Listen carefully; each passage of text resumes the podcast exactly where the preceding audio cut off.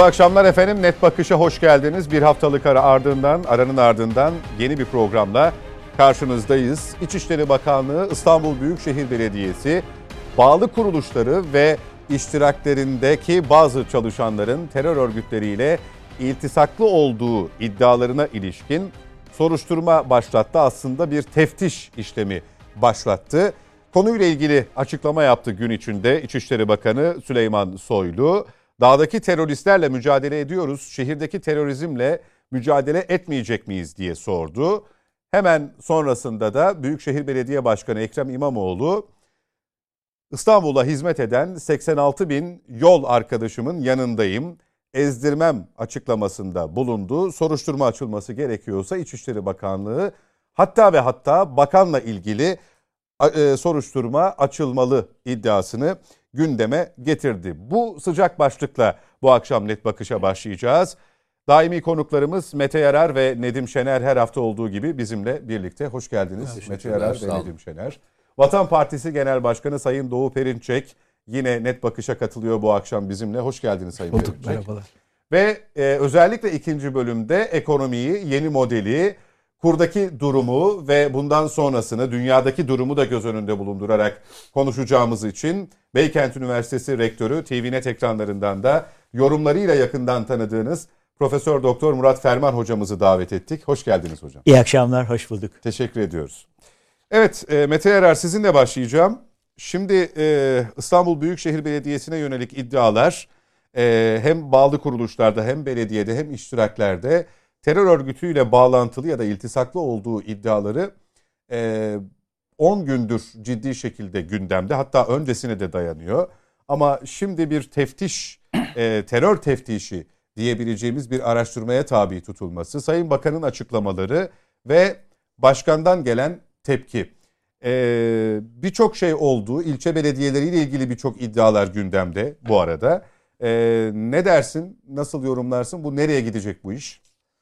Ee, hatırlıyor musun? Bu olay ilk e, yaşandığında yine buradaydık. E, hatta bir gün önce falan olmuştu. İlk belki konuşanlardan Nedim de Nedim'le beraber burada konuş, konuşmuştuk. O zaman bir e, yorum yapmıştım. Ben o yorumun hala arkasındayım. E, o yorum neydi? Demiştim ki Sayın Ekrem İmamoğlu e, bu olay yaşandığında başlangıç itibariyle şunu deme hakkına sahip demiştim. Neydi o? Bu kişiler alınırken, bu kişiler alınırken e, biz şey istiyoruz, ne derler, e, adliyeden e, adli sicil kaydı istiyoruz. Hı hı. Bu gözüken tablo buna ait değildir. Bu daha çok güvenlik e, birimlerinin elindeki olan istihbarati durumdur. E, bu nedenle e, bizim haberimiz yoktur. Ama sizin haberiniz varsa İstanbul gibi önemli bir metropolde gaz, su ve diğer güvenlik ve e, istihbaratı anlamda e, sızmalar olabilir. Bu konuda hemen ne istiyorsanız ben size ya da siz bana hemen bir ekip gönderin. Yapabileceğimiz ne varsa bunu e, hemen soruşturması açalım. Gerekirse e, idareten açığa alalım. Daha sonra bekleyelim. Ben bu kelimeyi beklerdim. Bakın bu benim beklediğim e, bir kelimeydi. E, başlangıç itibariyle şunu hiç söylemedim. Direkt başkanın bilgisi vardır gibi bir kelime kurmak çok zor dedim. Çünkü gerçekten bu raporları e, ve bu şahısların geçmişle ilgili bilemeyebilirler dedim.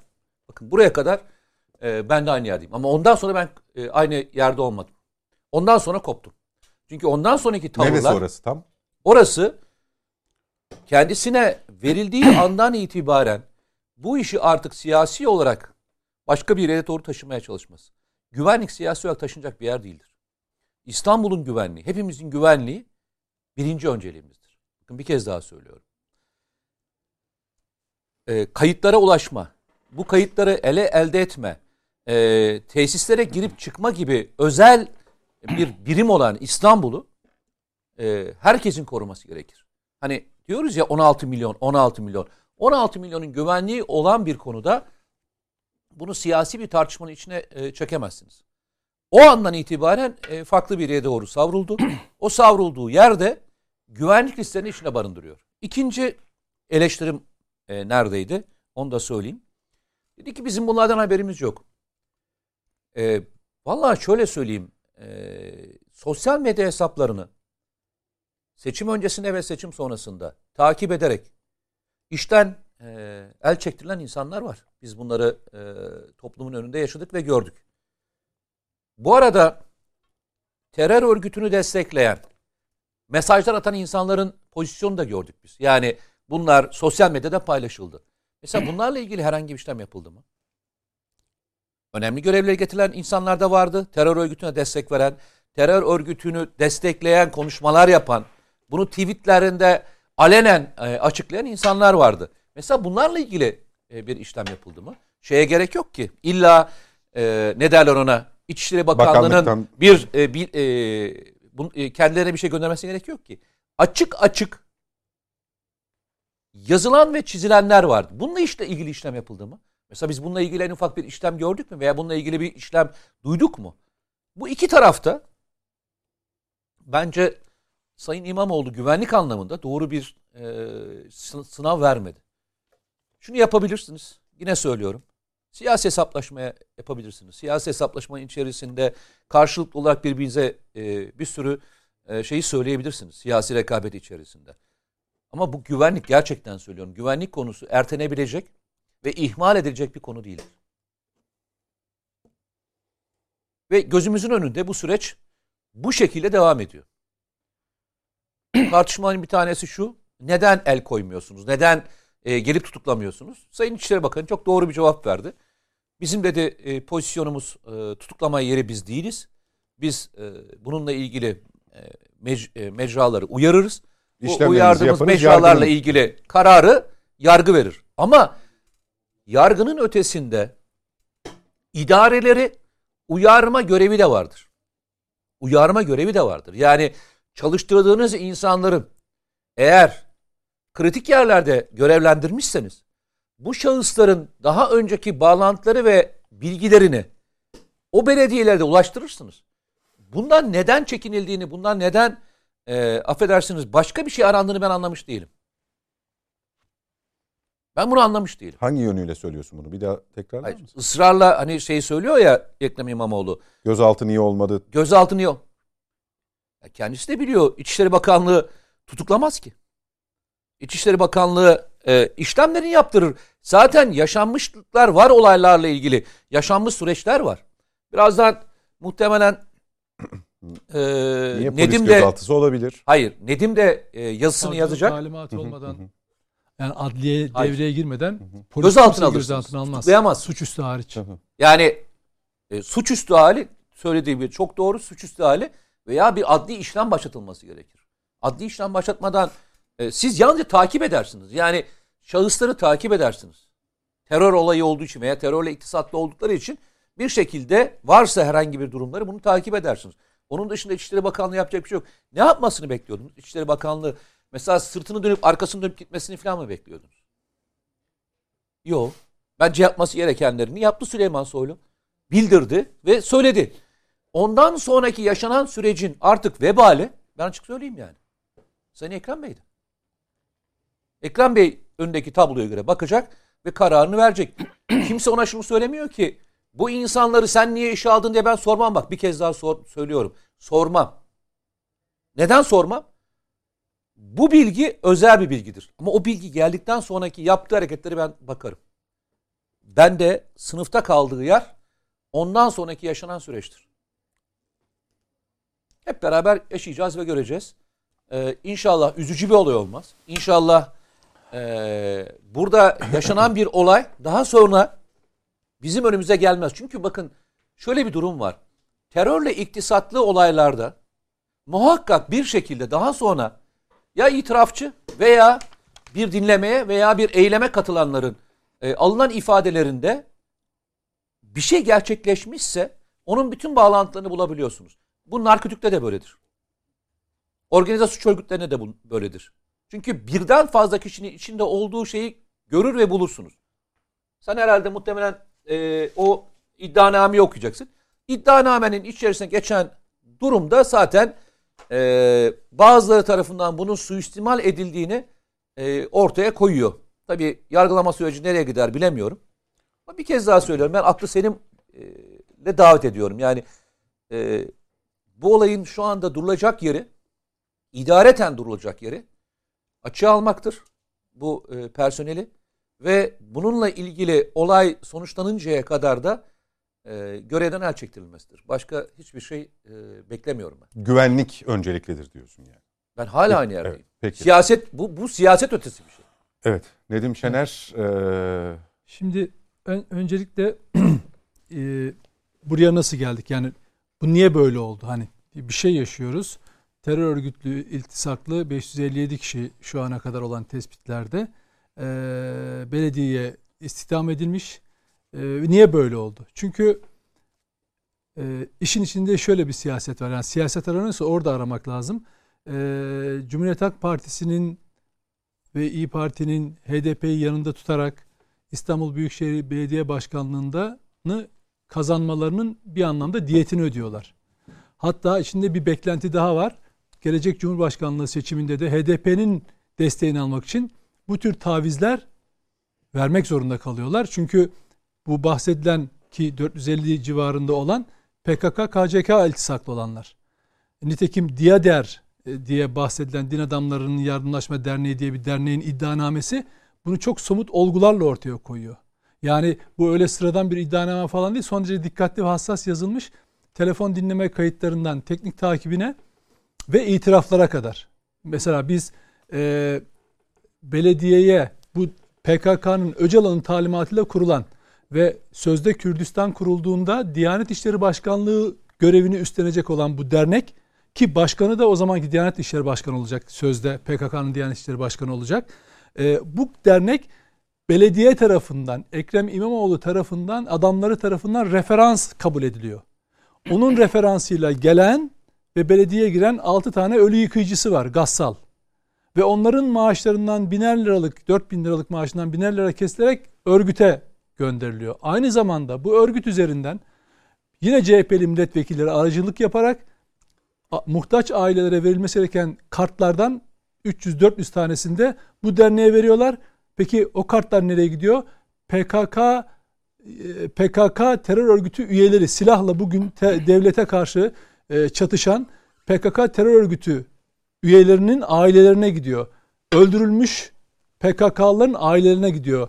Onlara da ne deniyor? Değer ailesi. Bu ismi veren kim? Öcalan. Bir şey soracağım. Bunlar İstanbul'da mı yaşıyor bu İstanbul'da aileler? yaşıyor. Yani değişik semtlerde yaşıyor. İstanbul'da ve İstanbul milletvekili aracılık yapıyor. Bu kartları onlara veriyorlar. Onlar da o isim geçiyor mu şeyde? E, burada? Var canım hepsi var ya. Biliyorlar zaten panikleri ondan.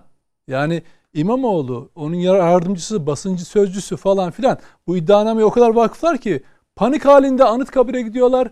Panik halinde efendim İmamoğlu artık millete emanettir falan filan diyorlar. Ben şöyle düşünün.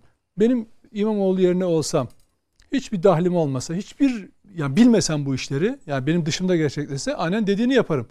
Kim benim haberim olmadan belediyenin kapısından bir terör iltisaklı birisi bırakın üye olmayı, bırak mahkum olmuş olması, adli sicilinde bulunup bulunmaması bile önemli değil. Bir HDP kongresine katılıp orada Öcalan'a özgürlük demiş, Öcalan'ın ağzına almış adımı ben belediyenin içine sokmam derim. Niye? Çünkü ben hani 16 milyonun başkanısınız siz. 16 milyonun güvenliği diye bir şey yok mu? Şimdi diyorsun ki 86 milyon çalışanımızı töhmet altında bırakıyor. 86 bin. 86 bin. 86 bin e, çalışanı kim töhmet altında bırakıyor? O 557 kişiyi içeri sokanlar töhmet altında bırakıyor. Ve vatandaşlar bugün evine gelen İGDAŞ görevlisinden veya gittiği bankoda işlem yaparken karşısındakinin kim olduğunu nereden bilecekler? Kim töhmet altında bıraktı? Oturmuşlar bir de diyorlar ki 86 86 bin tane yol arkadaşımız işte size bunu şey yapar tepki gösterir. Ya insan bakın bu riya bu ikiyüzlük insanın canını acıtıyor. Şundan dolayı ben 15 Temmuz gazilerinden tanıdık yani şeylerimiz var. irtibatta olduğum insanlar var ve o belediyede çalışıyorlardı. İspark'ta görevliydi, başka yerlerde görevlilerdi ve bu insanları işten attı. İmamoğlu ve ekibi işten attı. 86 bin kişi yol arkadaşında e, işten attığın 13.400 kişi yol arkadaşın değil miydi? Gelir gelmez pat diye kapının önüne koydun. Değil miydi? Onlar yol arkadaşı değil mi? Ha kendisinin aldığı 20-25 bin kişi yol arkadaşı. İşte onlar arasında bunlar çıkıyorlar. Demiyoruz ki al, alınan herkes almasınlar falan demiyoruz. Ama yandaşlarını sokuyorsun değil mi belediyeye? Onlar yol arkadaşların. Bir de 86 bin kişi diye büyük bir e, top, şeye varıyorsun.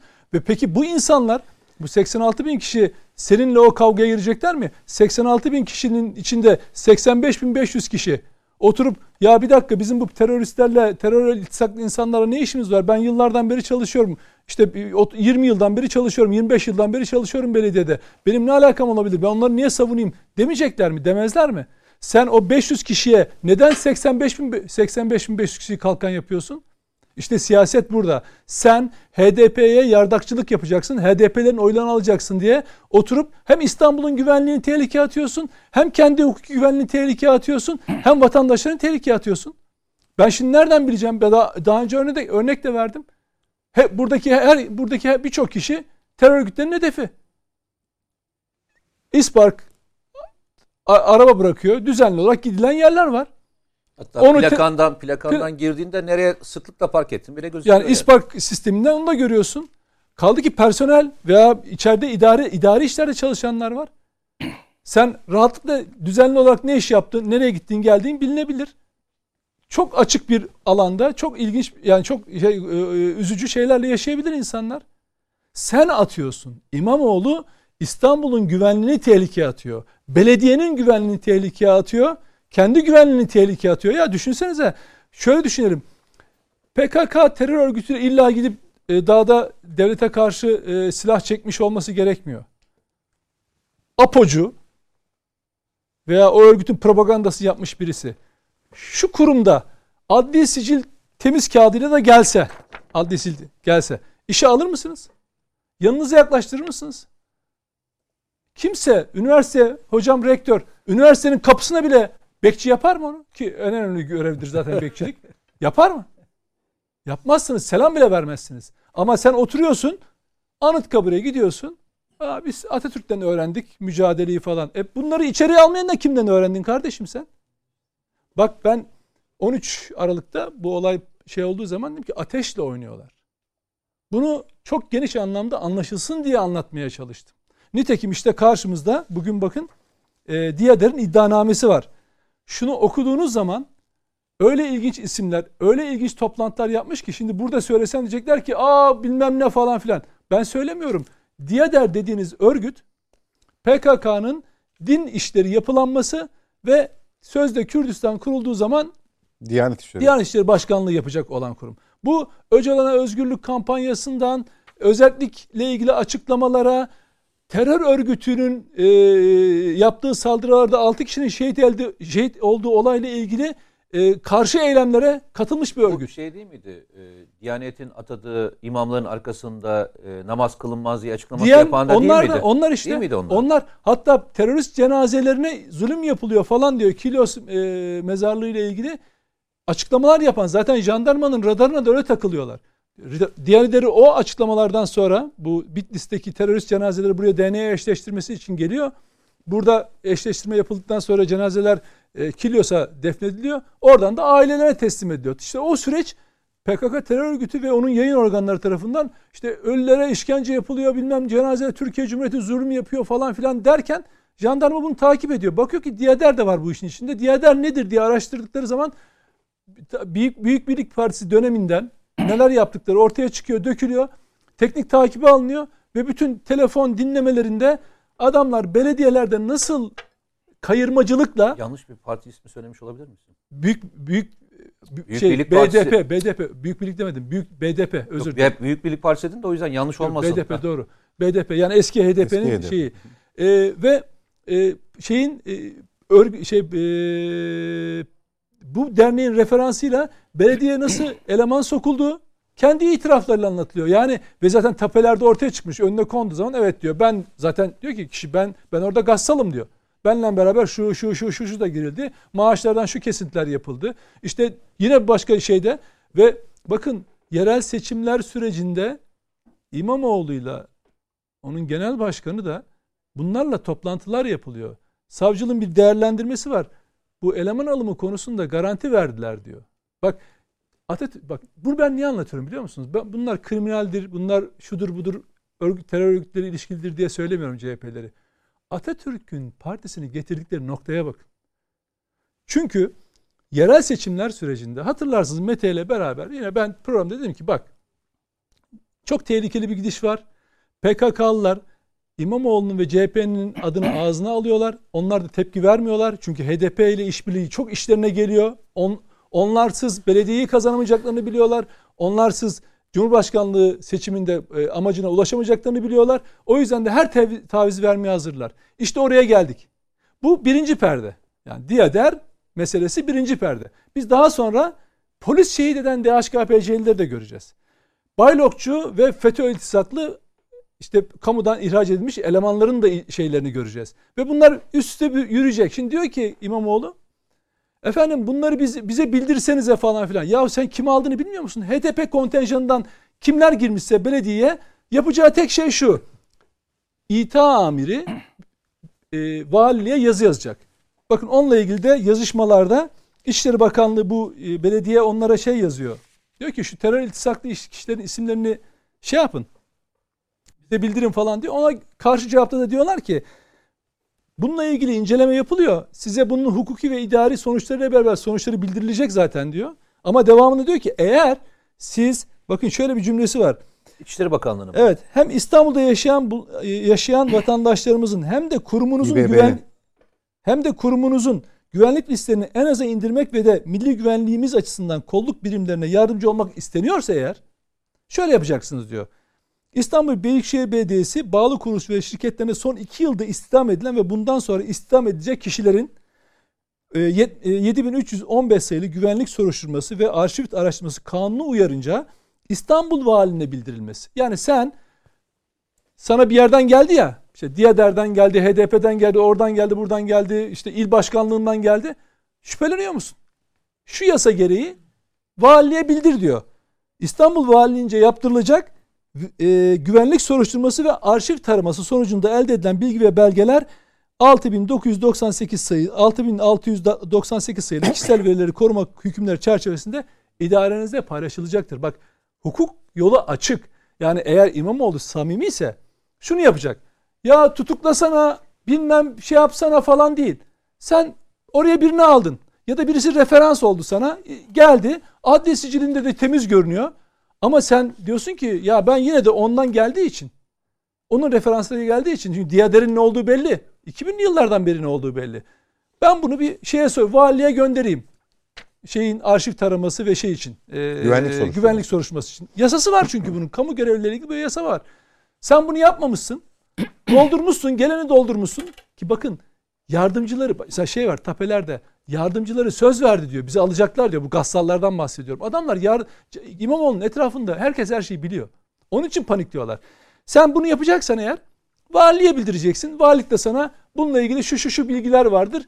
Gereği diyecek. Sen de ona göre ha bu PKK ile iltisaklıymış. Bu DHKPC ile ha bu polisin şehit edilmesinde rol oynamış. Ben bunu alamam kardeşim diyeceksin. O kurumla konuşacaksın. Böylece sağlam yapacaksın işini. Veya bunların hepsini atladın mı? Mete'nin söylediği gibi. İşleri Bakanı bunu söylediği an bir dakika bu devletin bir parçası da biziz. Yerel yönetim olarak hemen bu isim e, alınmış bütün bu isimleri hemen iş akdini donduruyorum. Değil mi ki ya 13 bin kişi. Bu alımlar ne zaman yapılmış Nedim Şener? E, son iki yılda. Yani belediye Peki, seçiminden te, bunu sonra. Bunu tespit yeni, yeni mi tespit edilmiş? E, tabii yeni tespit. Bakın dinlemelerle çıkıyor. Bakın adamlar şimdi şöyle adam mesela 6 ay önce girmiş. Yani bu adam bir buçuk yıl önceden işleme tabi tutulmaz ki. 6 ay önce mi ya da geçen ay girmiş.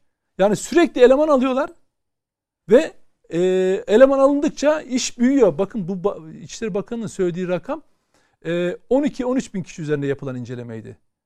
Onun İçişleri Bakanı'nın söylediği rakama göre aldıkları eleman 33 bin. Yani incelemesi bir o kadar daha devam eden isim var. Eğer oranlarsanız şu ana kadar %4-4,5'u terör örgütlerine şey yapmış karşılık geliyor. Elemanlarına karşılık geliyor. Yine söylüyorum İmamoğlu çok ciddi bir hata yapıyor. Bak çok ciddi bir hata yapıyor. Bir kere Atatürk'ün partisinin ilkesel olarak söylüyorum. HDP, HDP gibi bir terör örgütünün yardakçısı olan, sözcüsü olan ve başka hiçbir özelliği olmayan ama hiçbir özelliği olmayan hiçbir şey demokrasiyle, hukukla, insan hakları zerre kadar ilgisi olmayan bir partiyle işbirliği yapması kadar tehlikeli bir şey olamaz. Çünkü bunun açılım sürecinde bunun ne sonuçlar doğurduğunu gözümüzle gördük. Şimdi buraya getirdiler olayı. Ee, İmamoğlu'nun yaptığı hata bunlara kol kanat geliyor. Devleti suçladığı kadar, bakanı suçladığı kadar bunlara diğer laf etmiyor. De, demiyor ki ya siz bana eleman gönderdiniz. Biz de evet kapımızı açtık.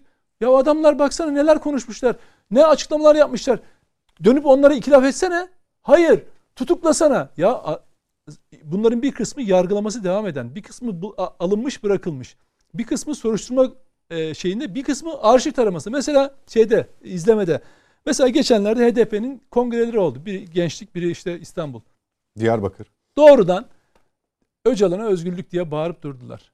Doğrudan PKK marşı söylediler. Şimdi onu devlet gördü mü? Gördü. İlgililer hakkında suç duyurusunda bulundu mu? Evet. Peki diğer bunu Bunlar slog- gözaltına alındılar bugün. Tabii slogan slogan atanlar yani. kimlerdi? Onlar bilinmiyor mu? Onlar da biliniyor. Bugün teknolojiyle onların hepsi de biliniyor. Şimdi bir kişi eğer Öcalan için slogan atmışsa tamamdır o. Onun yeri orasıdır artık. Onun Türkiye Cumhuriyeti vatandaşlığıyla ilgisi yoktur benim gözümde. Hukuk nezdinde de öyledir. O onu bırakmaz. Yani bu çünkü şeye benzemiyor. Mesela bir katili, bir hırsızı kazanabilirsiniz. Nedamet getirebilir.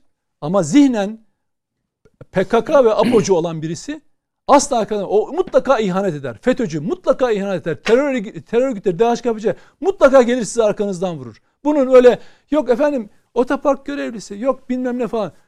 Bir terör örgütü görevlisi. Yani bakın FETÖ'den örnek veriyorum. En düşük profildeki bir görevde olan bile örgütün amaçları devreye girdiği zaman devleti değil, vatandaşı değil, Peki. terör örgütünü tercih eder. Hatırlıyor Peki. musunuz? Bir olay hatırlarsam size. ee, Sabancı suikastinde içeriye, içeriye nasıl sızıldığını, uzun bir süre nasıl görev yapıldığını, Çay. E, evet. Fehriye Erdal. Fehriye. Daha sonra içeriye nasıl alındığını ve eylemin nasıl gerçekleştiğini e, bilin diye söylüyorum. Hani şahısların görevlerini e, ve pozisyonlarını e, küçümsemeyin. Ya, yani küçümsemeyin. Fehriye Erdal. Yani orada o genel müdür falan değildi. Bakın çaycı görevindeydi ve bütün içeriye alan, bütün o organizasyonu yapan, istihbarati bilgileri veren oydu.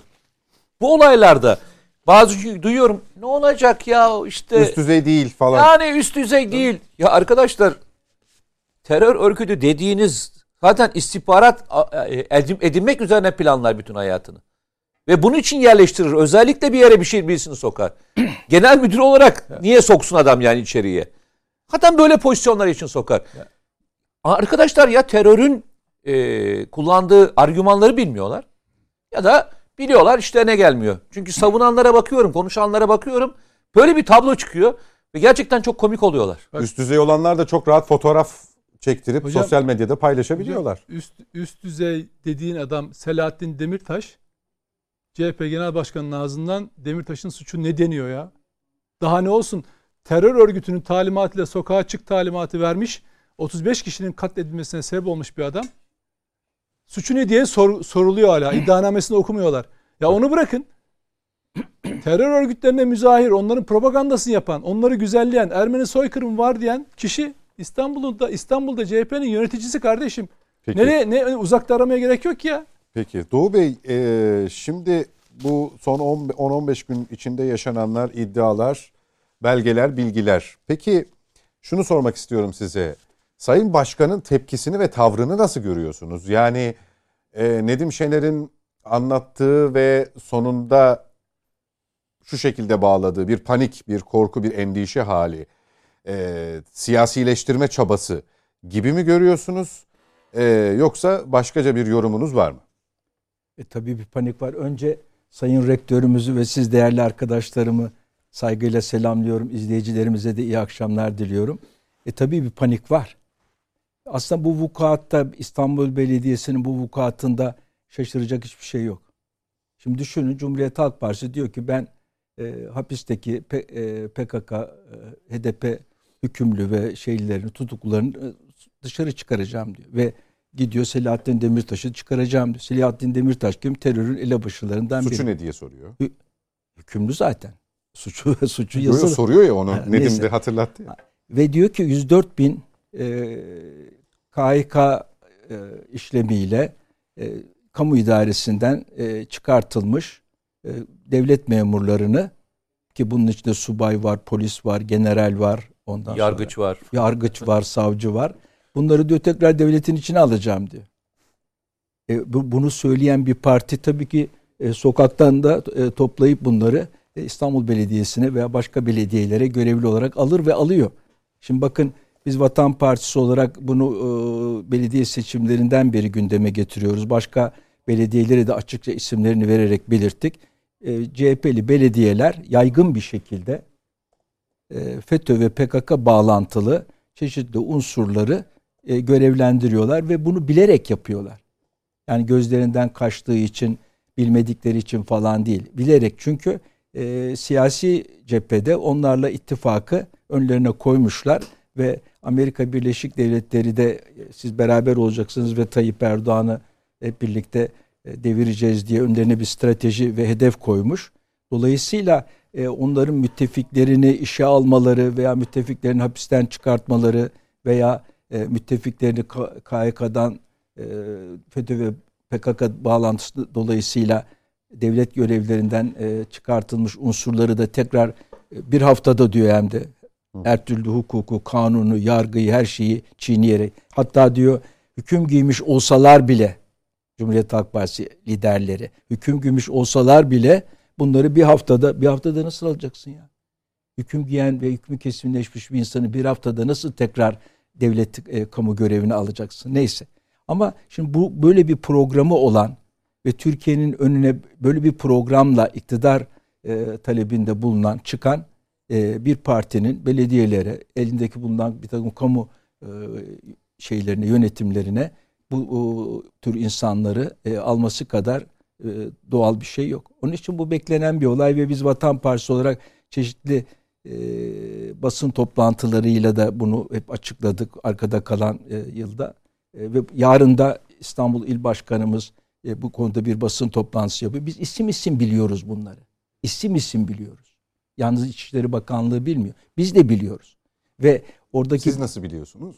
Ha, biz de orada belediyede çalışan arkadaşlarım var. Mesela belediyeden ben 120 kişiyle toplantı yaptım. Belediyeden atılan Bunların e, e, söylediğiniz mesela onların resmi rakamla sizin e, elinizdeki veriler örtüşüyor mu? Bir. ikincisi bunlar mesela çoğu mahkum olup cezasını çekip tahliye edilmiş kişiler mi yoksa üyelikleri bulunan Şimdi bakın terör burada örgütleri e, üyeliği bulunan iki şeyi kişiler? birbirine e, önce şunu söyleyeyim biz nasıl biliyoruz? Ben e, 6-7 ay kadar evvel 120 kadar İstanbul Belediyesi işçisiyle toplantı yaptım. Şey Hmm. kamunun önünde yani açık basın toplantısı yaptım. İşte onlar feryat ediyorlardı, söylüyorlardı. Yani biz dışlanıyoruz. E, milli tavırlarımız olduğu için, bu ülkeye bağlı olduğumuz için ama o beraber görüyoruz, çalışıyoruz. Oraya PKK'ya e, bağlı olan PKK sempatizanları, yandaşları, FETÖ sempatizanları, yandaşları açıkça giriyorlar ve onlarla e, beraber çalışıyoruz. Onları tanıyoruz, görüyoruz. E, o bakımdan e, bu herkes tarafından bilinen bir olay. Yani ve e, CHP'den beklenen bir olay. E, zaten e, idolleri Seyit Rıza, e, Atatürk'e kılı, şey çekmiş, silah çekmiş. Ondan sonra 1937-38 Dersim isyanlarının başında bulunmuş. Aşiret reislerinin e, heykelini dikip onun önünde toplantılar yapan bir partinin e, o Seyit Rıza'yı da e, takip eden, onun arkasından giden bugünkü unsurları getirip ellerindeki e, kamu makamlarına e, al- almaları memur olarak veya işçi olarak e, o, o partinin bir işlevi. O partiye ta Amerika'dan verilen bir görev. Biden tayfasının görevi bu. O bakımdan burada biz e, şaşıracak bir şey görmüyoruz. Peki İmamoğlu e, panikledi o doğru. E, tepkisi o tepki hukuki değil. Diyor ki İçişleri Bakanı'na e diyor madem bunlar e, PKK falan bağlantılı bunları tutuklasaydın. E, İçişleri Bakanlığı bir tutuklama makamı değil ki. O bir id- idari yürütmenin bir parçası. Tutuklama gözaltını kim kararlaştırır? Yargı makamları kararlaştırır. Onun için yani bu kadar basit, e, ilkel, e, daha yurttaşlık bilgisi derslerinde okunan bilgilerden bile yoksun bir insanın e, kalkıp İstanbul Belediye Başkanı olması da hepimiz için acı bir olay. Ama Nasıl başladı onun seçim kampanyası? İstanbul Fener Patrikhanesi'ni ziyaret ederek. Yani Türkiye tarihinde seçime giren bir insan Fener Patrikhanesi'ni ziyaretle başlar mı seçimi? Yani o nedir? Amerika'ya verilen bir selam. Bütün dünya finans merkezlerinin planlarına, programlarına e, tabi olduğunu, teslim olduğunu açıkça bir beyan. Öyle başladı. E, öyle başlayınca da tabii ki PKK'lıyı belediyeye alacak. E, elbette FETÖ'cüyü bel- belediyeye alacak. Onun için e, olaya e, Türk milleti huzurunda bu siyasi veçesiyle, yönleriyle bakmamız lazım. Hukuki olarak da iki şeyi ayırmıyoruz. O çok önemli. Yani idarenin e, işlemleri e, idare hukukuna bağlıdır. E, tabii idare e, ceza hukukunun e, bir takım e, şeyi prensipleri açısından da diyelim adli sicil falan filan isteyebilir ama adli sicili temiz gelse bile idarede herhangi bir şekilde görevi alırken liyakat, uygunluk diye prensipler var. Yani bir insanın adli sicili temiz olabilir. Geçmişinde bir diyelim e, vukuat e, olmayabilir. E, herhangi bir mahkumiyet olmayabilir ama o, o, o göreve alınan bir insan e, her şeyden önce Türkiye Cumhuriyeti kanunları çerçevesi içerisinde orada bir kamu görevi yapacak. işçilik veya memurluk olsun. E ona uygun bir insan? Onun için idarenin bir de böyle bir bakış açısı var. Ya, yalnız başına efendim bunların adli siciline baksaydın oradan gelen e, raporlara, bilgilere göre ancak davranırsın. Bu idare hukukunu bilmemek, idareyi de bilmemek, idareciliği de bilmemek. Ayrıca idareci e, bakacak bu gelen insan o işe uygun mu? Hakikaten va- e, vatanına, cumhuriyetine, devletine bağlı mı? Ve e, bir kamu hizmeti burada yapabilecek ehliyete, liyakata sahip mi gibi idare hukukunun prensipleri açısından da bakacak. Öyle baktığı zaman o gelen adamların öyle bir kimliği yok. O gelen gelen adamların Türkiye Cumhuriyeti'ne sadakat, kamuya hizmet etmek, e, e, Türk milletine hizmet etmek veya İstanbul e, vatandaşına hizmet etmek falan filan diye bir davası yok. Böyle bir sorumluluğu yok. Başka sorumluluklar onları bağlıyor. Aslında bir makam e, Buna görevi... ilişkin somut bir şey elde Evet. ettiniz mi Sayın Perinçek? Yani başka sorumluluklar dediğiniz o mesela toplantı yaptığınız belediye çalışanları onların kayırıldığı konusunda hem fikir mi? Kendilerine Tabii. mobbing uygulandığı konusunda. Bir Tabii ki. ikincisi böyle bir bilgi toplama ya da herhangi bir istihbari faaliyete katıldıklarına dair gözlemleri olmuş mu? Size şimdi ilettikleri bakın, var? Bunlar yedi- ispata e, ve e, delile e, muhtaç şeyler ama hani gözlemlerini paylaştılar dediniz ya. Mesela 7-8 ay evvel onlarla iki defa basın toplantısı yaptım. 120 kişi geldiler. Onu söyleyeyim. E, ve bu arkadaşlar, oradaki işçiler, memurlar e, şunu ifade ettiler. Bizleri bu belediye dışlıyor. E, ge- geçmiş dönemde buraya alındığımız için ondan sonra hatta işten atılmayacağı sözü ver- verdiği halde bizleri e, işten atıyorlar. Bizim e, yerimize e, getirilen insanlara bakıyoruz. Açıkça o iş yerindeki ilişkilerimiz içerisinde PKK'yı savunuyor, FETÖ'yü savunuyor ve şımarık bir şekilde bunu ulu orta yapabiliyor. Çünkü o iş ortamlarında az çok tabii insanlar birbirlerini görüyorlar, tanıyorlar. Yani bu tür çok sayıda tanıklık var. Yani burada tabii biz bir şey e, İçişleri Bakanlığı'nın bir kontrol makamı veya bir savcılık makamı değiliz. Ama sonuç itibariyle o belediyede çalışan birçok insan oraya HDP'lilerin doldurulduğunu, PKK bağlantılı, FETÖ bağlantılı unsurların doldurulduğunu günlük iş hayatı içinde görüyor. O yargının e, bu konudaki uygulamaları, işlemleri başka bir şey. Ama bunu görüyor. Ha, şimdi burada idare sırf e, yargıda hüküm giymiş olanlara bakmaz. Demin söylediğim gibi onun üzerinde ısrarla duruyorum. Ehliyete, liyakata, e, sadakata bunlara bakması lazım. Yani Türkiye Cumhuriyeti kanunlarına, devletine bağlılık, sadakat e, işe alırken değil mi? İdarenin belli e, kıstasları var. E, onlara bakması lazım. Bu açıdan baktığı, bakıldığı zaman da tam ters bir e, kıstas görüyoruz. O da nedir? Yani e, devlete düşman. Devlet düşmanlığı buralarda liyakat ve ehliyet. Bakın çok açık söyleyeyim. Çok açık söylüyorum. Birçok Cumhuriyet Halk Partisi belediyesinde milli devlete düşmanlık, Türk devletine düşmanlık, Türk kavramına düşmanlık bunlar bir liyakat ve ehliyet ölçütü. Öyle olanları topluyor. E gidip o e, Seyit Rıza'nın heykelinin önünde basın toplantısı yapan testiler gibi dizilen CHP yöneticileri ehliyet olarak o unsurları tabii alıyor. Bunu çok iyi görmemiz lazım. Peki. Teşekkür ediyorum efendim bu Bir- bölüm bir için. rakamı da söylemek yarar var. Bugün de konuşulurken e, bir rakam e, rakam e, telaffuz edildi. İşte Neyle Sayın ilgili? İçişleri Bakanı 160 tane terörist Ha, e, evet. Türkiye'de kaldı. E, işte e, ne derler ona? Ama 500 550 küsur tane tanesi madem İBB'de var. Niye çelişiyorsunuz? e, o 160 rakamının kim ol, ne olduğunu biz çok iyi biliyoruz. 160 rakamı Yazanlar da onu te- e, tenkit edenler de biliyor üstelik. Biz söyleyelim yine ne olduğunu herkes bilsin diye söylüyorum. O 160 rakamı PKK'nın silahlı kanadının Türkiye'de e, Türkiye'ye soktuğu ve Türkiye'de eylem yapmak üzere gönderdiği dağ kadrosundaki rakamı söylüyor. Sayın İçişleri Bakanı'nın söylediği rakam bu. Yoksa Türkiye'deki toplam bütün terörist sayısından bahsetmiyor. Dağ kadrosundaki terörist sayısından e, bahsediyor. E, bir kez daha altını e, çizmekte yarar var. Yani çok kısaysa alayım. Teröristle Araya- bağlantılıyı yani iltisak diyoruz ya Türkçe bağlantılı e, kav- e, kamunun anlaması bakımından teröristle bağlantılıyı ayırmak lazım. Yani Yok dün e, sosyal medyada özellikle onu kullandılar.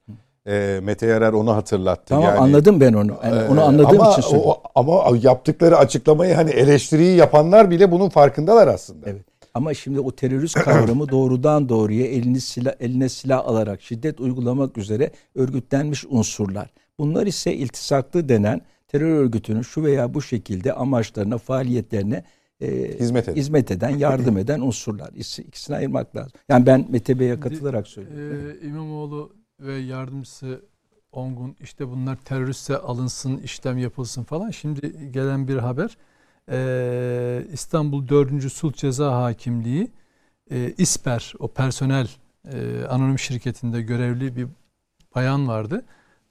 Zamanında da örgütün örgüte eleman kazandırma konusunda faaliyetleri zaten devletin takibinde olan bilinen birisi. Burada da tam yerine konmuş aslında personel dairesine. Yani personel işlerinden sorumluluğa getirmiş. Yani yerinde liyakata uygun. Tam böyle PKK için ne yapıyorsa belediyede de aşağı yukarı onu yapıyor. Çünkü bunlar irtibat elemanları aynı zamanda kimin nereye gireceğini de karar veriyorlar. Onun evinde e, adresinde arama kararı verilmiş. E, ve e, işte bu dijital materyal ne varsa yani o hukuki işlem İmamoğlu'nun istediği hukuki işlem başlamış. Başlatılmış. Şimdi yarın durun 86 milyon şey 86 bin e, yoldaşımızı bilmem töhmet altında bırakıyorsun mu diyecek. Hukuk gereğini yapsın mı diyecek. Göreceğiz bakalım. Peki ara Şimdi- vakti efendim. Ya da yol şöyle- arkadaşı için de bir şey söyleyebilir miyim? Bakın yol arkadaşı Türkçe de bilmiyor İmamoğlu. Yol arkadaşı İngilizce'de fellow traveler denen veya Almanca'da Reisefreunde denen. Ondan sonra yani e, İstanbul'dan otobüse binerseniz Düzce'de iner. O yolu yol arkadaşı odur. Yani böyle bir, bir beraberlik, bir dava arkadaşlarını ifade etmez. Ya o da çok bilgisiz bir şey. Yani dil bilmiyorlar, Türkçeyi bilmiyorlar.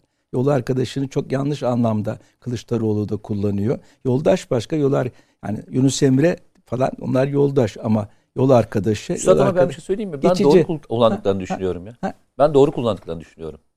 Herkesin yolu ayrı aslında. Bak ben bir şey söyleyeyim mi? O da- Hepsinin- o sizin ben bir şey söyleyeyim mi? doğru, Bak bu konuda doğru kullanıyorlar. Çünkü herkesin ineceği yer farklı. Bir yere kadar beraber gidecekler ama sonra herkes bir yerde inecek. Bir- Ben burada- doğru kullandıklarını burada, düşünüyorum. Burada yani. bakın bütün bu hukuki de- tartışmaların dışında çok ahlaki bir te- şey var. İmamoğlu son tweetinde diyor ki hakkımı yedirmem, hak yemem, hakkı da yedirmem diyor. Bak şimdi böyle o cümleyi aldım karşıma baktım baktım baktım. Hak yemez misin? Gerçekten mi? Ya 13 bin kişiyi gelir gelmez kapının önüne koymuş. İçinde 15 Temmuz gazileri var tamam mı? Nasıl yemezsin hak? Onları çıkarttın. Tasarruf diye mi çıkardın? Güzel. E peki 25 bin kişi kendin söylüyorsun. 20 binden fazla kişiyi de sen soktun. Nasıl hak yememek bu? Yani insanda biraz vicdani ahlaki ölçü olacak. Utanma duygusu olacak. Hak yemem. E, e, yedin. Yedin işte. Yol arkadaşlarım 86 bin. E 13 bin kişi değil miydi? Ha onlar değilmiş. Onları otobüsten kendi atmış. O diğerleriyle işte o PKK, KCK, FETÖ'cü, başka. baylokçu ya, ya baylokçu insan. Ya baylokçu ne demek biliyor musunuz? Terör örgütü FETÖ'nün üyesi demek ya. Yani en kripto elemanlarına az subay gelmiş belediyede şimdi çalışıyor. Şimdi düşünsene Mete biz gidiyoruz belediyede bir işimiz var. Eleman karşımızda. Hangi kadroda çalışıyor belli mi? Söylerim şimdi e, şey yapayım bakayım şeyine. Hatırlamıyorum şimdi şeyini. Şimdi biz seninle gittik ona işlem yapıyoruz tamam mı? ya da yani bir şey müracaat ediyoruz. Karşında duruyor baylokçu. ne yapar? Ya böyle bir şey olabilir mi? Bak yazık ediyorlar. İstanbul Büyükşehir Belediyesi'nin çok kaliteli bir eleman şeyi var. Yazık ediyorlar CHP'ye. CHP'nin çok değerli değerleri var. Yani ilkeleri var. Yahu HDP ile iş tutacağım, onların gönlünü hoş edeceğim diye hem kendinize hem seçmenize yazık etmeyin, harcamayın. Ya en kötüsünü biliyor musunuz hocam? Polis şehit etmiş teröristleri. E, dağa, ter, dağa çıkmış teröristlerin ailelerine kart dağıtanlar. Bunlar haber götürmüş, eleman devşirmiş ve bu belediyeye girmiş insanları benim tanıdığım Atatürkçü, ulusalcı, milliyetçi insanlar savunmak zorunda kalıyorlar. HDP'liler farkında mısın? Hiç ağzını açmıyorlar. Olur mu kardeşim bilmem ne falan. Bak HDP'liler kenarda çok uyanıklar. Savunmayı şeye bıraktılar. Atatürkçü kesime. Peki. Onlar da diyor ki vay efendim diyor e, böyle te- alsanıza yok 160 tane terörist vardı niye şimdi 500 diyorsunuz falan filan diye mavra yapıyorlar. Aslında dediğiniz gibi ne demek istediğini çok iyi biliyorlar bakanın ama işlerine gelmiyor. Peki teşekkürler. Hocam sıkılmadınız değil mi? Yok estağfurullah. Çok Ev- eğlenceli. evde seyreder gibi seyrediyorum diyorsunuz peki. Hocamın alanı izleyicilerimiz için açıklama yapalım. Hani söz hakkı vermediğimiz falan düşünülürse. Ekonomiyle ilgili kısmı da genişçe konuşacağımız için tüm konuklarımızda tabii en çok O zaman biz onun, susacağız. onun görüşlerine Biz başvuracağız. susacağız o zaman. Ee, sırasını bekliyor sadece. Ağır, Ee, ağır top. Ağır Bizim top mevcut yani. konulara çok e, konularla ilgili fikirlerini sormadık öyle söyleyelim. Araya gidiyoruz şimdi reklamların ardından buradayız efendim.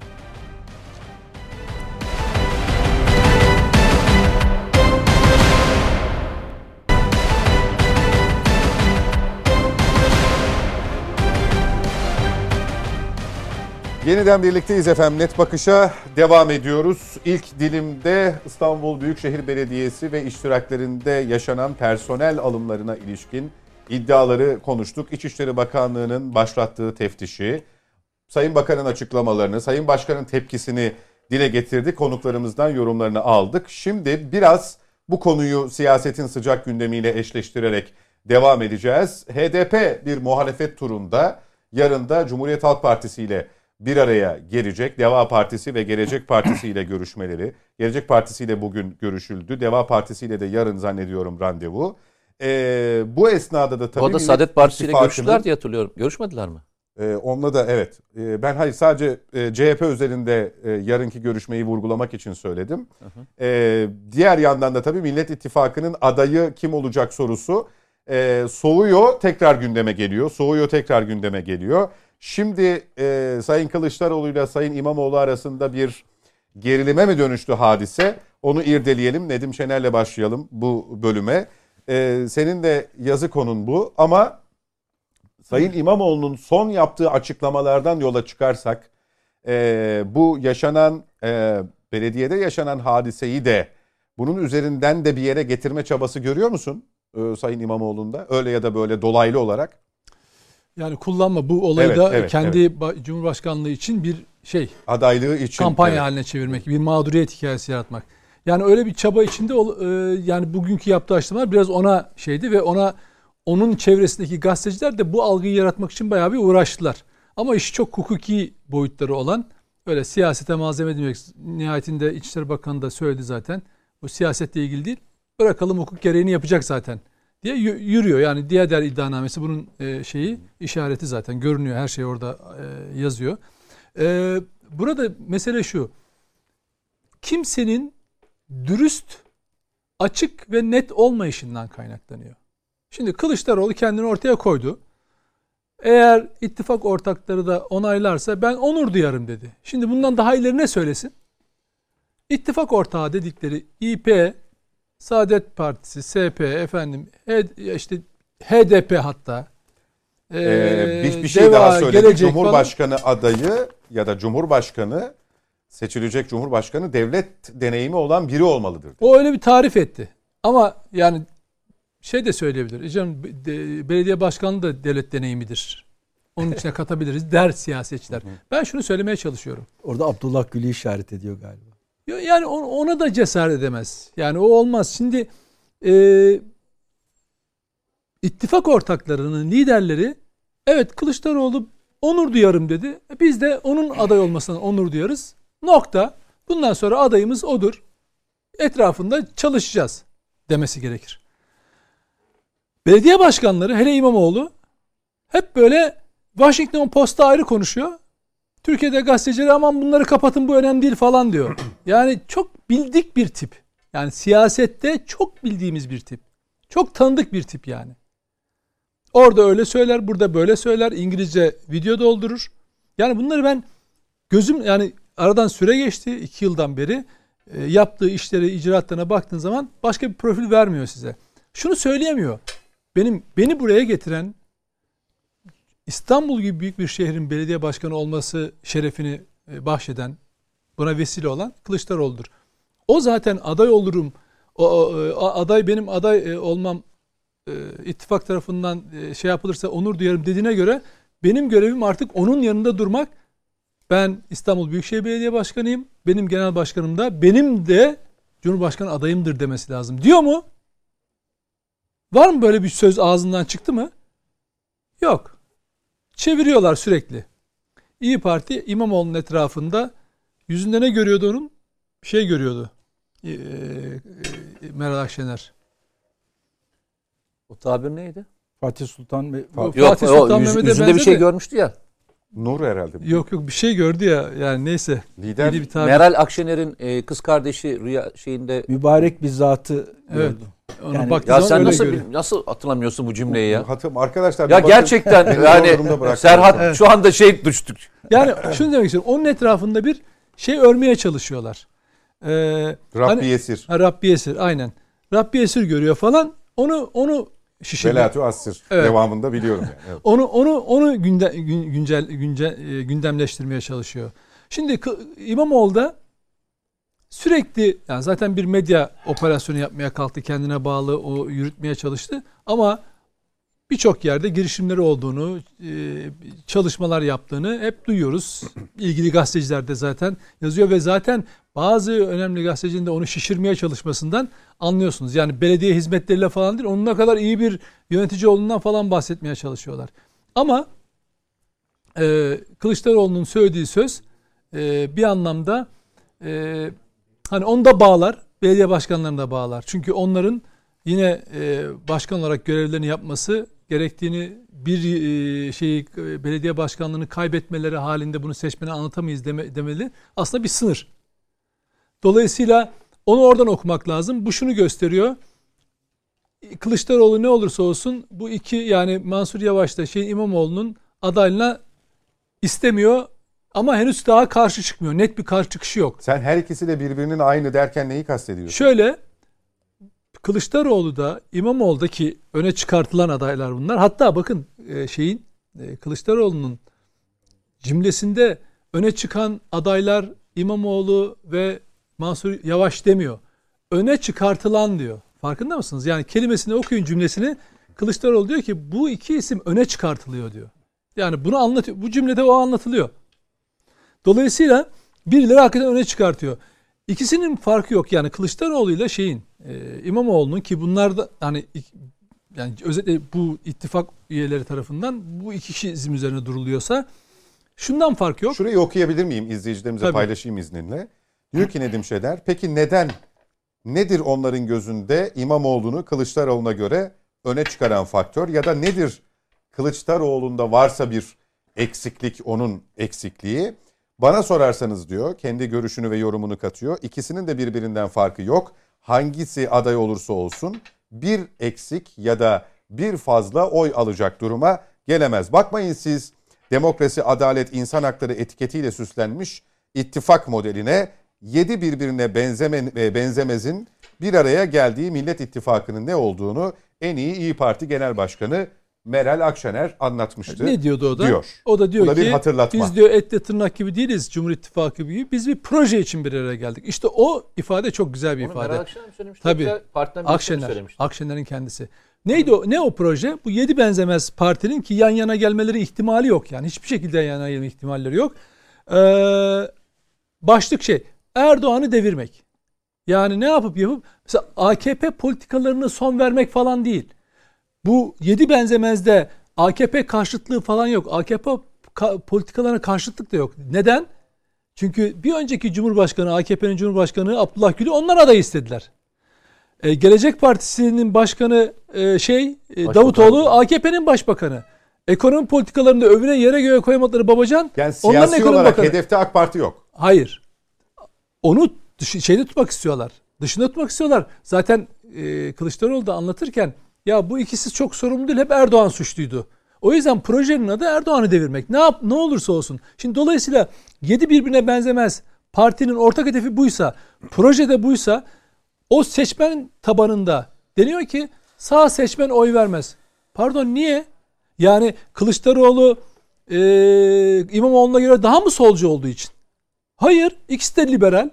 ikisi de sağcı. Solculukla ne alakaları var? Yani bir insanın ben solcuyum demesi ya da kendini solla tarif etmesi ya böyle kendi demesi ne mi bakılır? İcraatına mı bakılır? Yani dolayısıyla burada sağ sol kavramı açısından baktığınız zaman aralarında hiçbir fark yok. İki, FETÖ, PKK var mı birbirinden farklı Türkiye'nin en önemli konularında?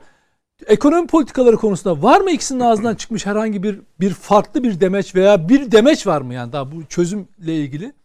Sadece şöyle bir Erdo sadece bir Erdoğan nefreti hani geçenlerde Ahmet Hakan diyordu ya hani sadece doların yükselişine bağlı olarak muhalefet üreter, üretirseniz düştüğünde de zaten böyle açıkta kalırsınız gibi. Sadece bir dolar yükselişine bağlı ekonomik analiz bir de Erdoğan nefreti üzerinden siyasi e, şey kutuplaşmayı körüklemek onun üzerine 7 partinin oy vermesi. Peki neden vermiyorlar? Yani o bir takım analizciler diyor ki bakın anket firmaları hem de CHP'nin içinde ve etrafında yazar çizer takımı İmamoğlu'nun etrafında olanlar ve özellikle diyorlar ki sağ seçmen oy vermez. Ya arkadaş şu aklınızda Kılıçdaroğlu neden aday olmamalı? Ya bunu televizyonlarda söylüyorlar hem de CHP'ye yakın kanallarda söylüyorlar. Bangır bangır. CHP'ye yakın gazetelerde, ekranlarda söylüyorlar. YouTube kanallarında söylüyorlar. Aman olma. Şimdi bakın ben diyorum ki İmamoğlu da olsa, Kılıçdaroğlu da olsa bu yedi benzemez partinin seçmeni zaten gözünü karartmış. Hiç ne ilke ne siyaset ne prensip hiçbir şey yok. Ben Nedim sana bir şey sorabilir miyim? Bir partinin genel başkanı olmaya layık görüp de Cumhurbaşkanı olmaya layık görmedikleri şey ne? Olay ne? Şimdi ben bakın şöyle Ben onu anlamadım. ortada bir bir tiyatro var. Bak tiyatro. Şimdi ben diyorum ki Türkiye'de sağ seçmen oy vermezmiş. %65'i sağ seçmenmiş de efendim o yüzden de oy niye? Niye vermiyor? Yani bana söyleyin Kılıçdaroğlu'na niye oy vermiyor? Adı Kemal olduğu için mi? Soy, soy, soy ismi Kılıçdaroğlu olduğu, olduğu için mi vermiyor? Niye? İmamoğlu'na niye veriyor? İmamoğlu'na ne gördünüz de veriyor mesela? Yani daha Kılıçdaroğlu'nu iki yıl önce getirip İstanbul'da tanıştırdığı, ondan önce böyle bir insanın yaşayıp yaşamadığı belli bile değilken bugün neye göre veriyorsun? Bakın ben benim için yine söylüyorum. Cumhurbaşkanı ha İmamoğlu olmuş ha Kılıçdaroğlu olmuş. Ben pozisyonumu biliyorum. Ben neyle karşı karşı olduğumu biliyorum. Neyle mücadele edeceğimi de biliyorum. Ben CHP tabanında ve bu çevrelerde kardeşim açık açık konuşsanıza niçin Kılıçdaroğlu'nun aday olmasını istemiyorsunuz? Ve bunu ikna etmek için de insanları aday olursa seçilemez. Neye dayandırıyorsunuz? Bunu bir söyleyin. Aklınızdan geçeni dürüstçe söyleyin. Söylemiyorlar. Sadece İmamoğlu çevresinde bunu ve İmamoğlu buna geliyor. Ve hiçbir zaman da ya benim genel başkanım önemlidir. Böyle bir talebi şeyi varsa ben de onu destekliyorum. Bütün gücümle arkasındayım demiyor. O netlik, netliği vermiyorlar. Dolayısıyla biz e, gelecek senenin herhalde artık e, yani 2022'de belli olacak. O sürece doğru bu tartışmanın ve kapışmanın yükseleceğini öngörebiliriz yani. Peki. Sayın Perinçek siz ne düşünüyorsunuz? Bu HDP'nin muhalefet turuyla ilgili yarın Cumhuriyet Halk Partisi ile görüşecek olmaları. Ee, ana gündem bu aday konusu olacaktır ama son zamanlarda yaşananları da konuşacaklardır herhalde. Ee, bir yandan da Kılıçdaroğlu'yla İmamoğlu arasındaki iplerin iyice gerildiğini ya da gerilmeye başladığını düşünüyor musunuz?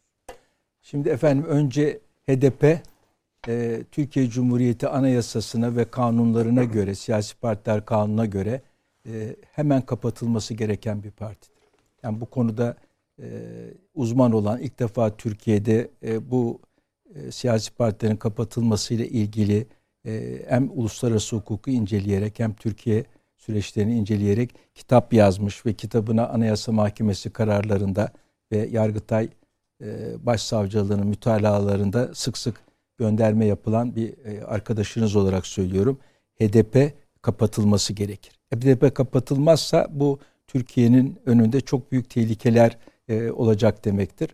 Dolayısıyla efendim HDP dolaşıyormuş falan onu dolaştıran Anayasa Mahkemesi çok büyük bir gaflet içinde. Çok açık söyleyeyim. Yani belki Anayasa Mahkemesi gibi büyük bir kurum için e, e, bu tür gaflet gibi sözcükleri kullanmamak gerekir. Ben böyle bir terbiyenin içinde yetiştim ama bunu bilinçli olarak kullanıyorum. Çünkü e, bunun Türkiye'ye maliyeti çok ağır olacak. Türkiye bugün çok ağır tehditlerle karşı karşıya.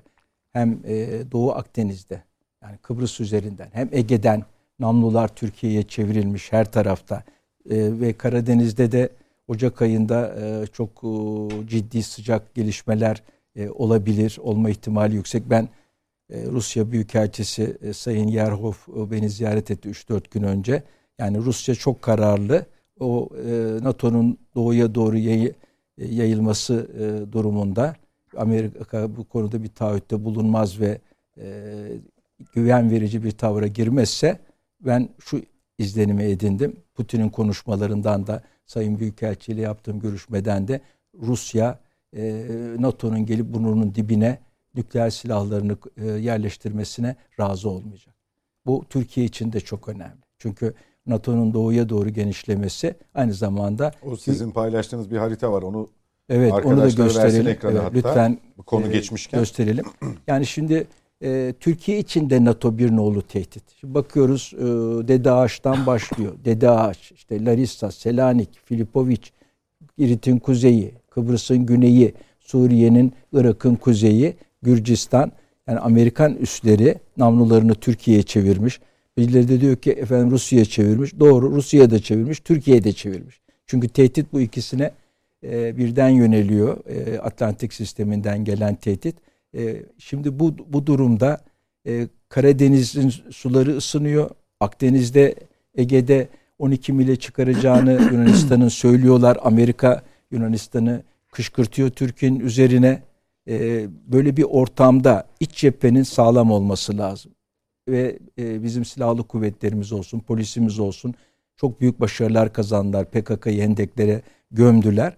Ama e, HDP hala e, PKK'nın diyelim e, eleman bulucusu, ona mali kaynak sağlayan, onun propagandasını yapan bir örgüt.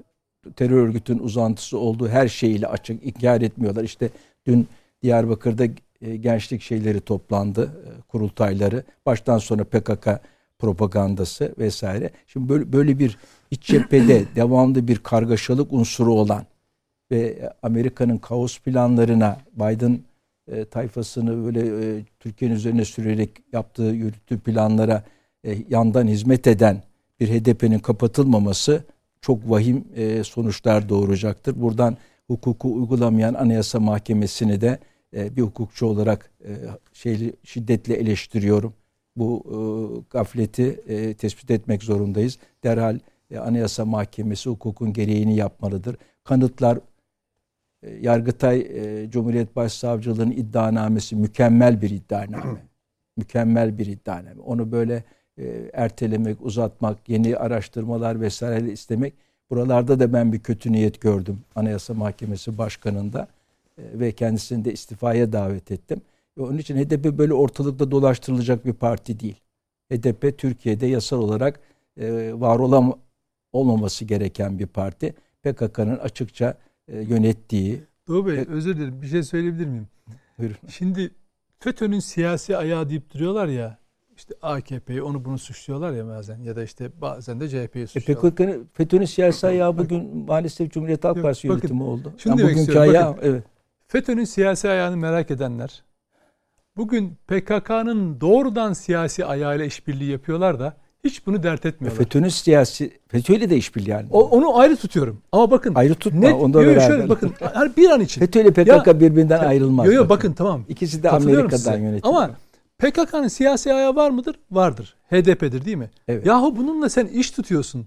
Sen FETÖ'nün siyasi ayağı ne yapacaksın? Sen zaten daha beteriyle iş tutuyorsun. yani o anlamda ya, ya ülkedeki siyasi trajediye bakın ya. Evet. Yaşadığımız siyasi Doğru. trajediye bakın Doğru.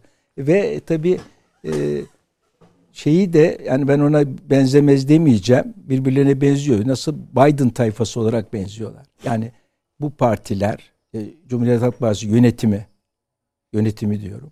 Sufleyi aldıkları yer. İyi Parti Meral Akşener o bir Gladio kraliçesi. Ondan sonra açık açık mertçe milletimize bilgi vermek zorundayım. E, üçüncüsü e, bu Babacanlar, Davutoğlular, Saadet Partisi. E bunlar açıkça Amerika'nın Rand Corporation raporlarında falan e, görev verilmiş unsurlar. Diyor ki Rand Corporation raporu biz diyor adını soyuyor bunları diyor beraber birleştirip bir takım sivil toplum örgütleriyle birlikte Tayyip Erdoğan'ı devireceğiz. Biden da seçim konuşmalarında bunu çatır çatır açıkça ifade etti. Tayyip Erdoğan'ı devireceğiz dedi. Onu onun Türkiye'nin başında tut, tutmayacağız dedi ve devirmek için de dedi işte CHP yönetimi, İyi Parti yönetimi falan bunların adlarını saydı. Onun için bunlar birbirine benziyor. Yani Amerikan planlarındaki rolleri e, bakımından e, birbirlerine benziyorlar ve o benzeyen rolü benimsemiş durumdalar. Onu görmemiz lazım. Milliyetçi Hareket Partisi'ne yapılan operasyon da bence tarihi bir olaydı. Yani e, Meral Akşener'i oradan bir e, kopardılar ve getirdiler HDP'nin yanına oturttular. Yani CHP'nin yanına oturtarak aynı zamanda HDP'nin PKK'nın yanına Meral Akşener'i oturtmuş oldular. Bu da apaçık manzara ortada. Yani işte belediyeyi konuşuyoruz ve e, Cumhuriyet Halk Partisi'nin HDP ile olan ayrılmaz e, ittifak dostluğunu apaçık bütün Türk milleti görüyor. E o ittifakın içinde e, Meral Akşener de var. E o da Meral Akşener'in bütün tarihine baktığımız zaman hep Amerikan planlarında görev almış. O 1990'larda e, kalkmış isti, emniyet istihbaratının tepesine o FETÖ'cü emniyet e, müdürlerini oturtmuş. Kulağı dinlemiş genel kurmayı. Düşünün genel kurmayı dinleyen ki bunu Mesut Yılmaz o zaman başbakan olarak açıkladı. Ya bunlar dedi ajan dedi, devlet, devleti dinliyorlar dedi. Genel kurmayı dinliyorlar dedi. Ve bunun başında da gene Meral Akşener var. Genel kurmayı kim dinler? Genel kurmayı kim dinler? Türk Silahlı Kuvvetleri'ni kim dinler? Düşman dinler, başkası dinlemez. Yani Meral Akşener düşman adına genel kurmayı dinletmiş ve Türk devleti bunları saptamış. Şimdi onun için hepsine toplam olarak baktığımız zaman bunlar menhus, uğursuz, Türkiye'nin geleceğini karartacak bir e, şeyin tertibin içinde rol almış durumdadırlar. Bu meseleyi bu şekilde Türk milletine açıklamak gerekir. Çünkü bunlar Türkiye'ye kaostan başka bir şey vaat etmiyor. Yani niçin kaos? Şimdi ben e, KHK'dan atılmış hapishanede duran FETÖ'cüleri, PKK'cıları çıkaracağım ve tekrar devlet kadrolarının içine alacağım dediğiniz zaman 24 bin subay Türk Silahlı Kuvvetleri'nden e, çıkartılmış. Siz o 24 binin 3 binini oraya tekrar almaya kalksanız e, Türk Silahlı Kuvvetleri'ni felç edersiniz. Veya işte o, 30 bin polisten ihraç edilmiş. Onları tekrar emniyet teşkilatının içine almaya kalktığınız zaman Türkiye kargaşalık içinde olur. Onun için e, bunların söylediğiniz adam arkadaşların, insanların diyelim e, Kılıçdaroğlu, İmamoğlu, e, Mansur Yavaş bunların hiçbir şekilde veyahut da Meral Akşener onun gönlünde o yatıyor. Bunların hiçbir şekilde Cumhurbaşkanı olma ihtimali yok. Neden yok? Çünkü kaos vaat ediyor Türk milletine. Kaos vaat eden bir projenin, programın Türkiye'nin, Türk devletinin başına gelmesi mümkün mü? Yani Türkiye uykuya mı yatacak?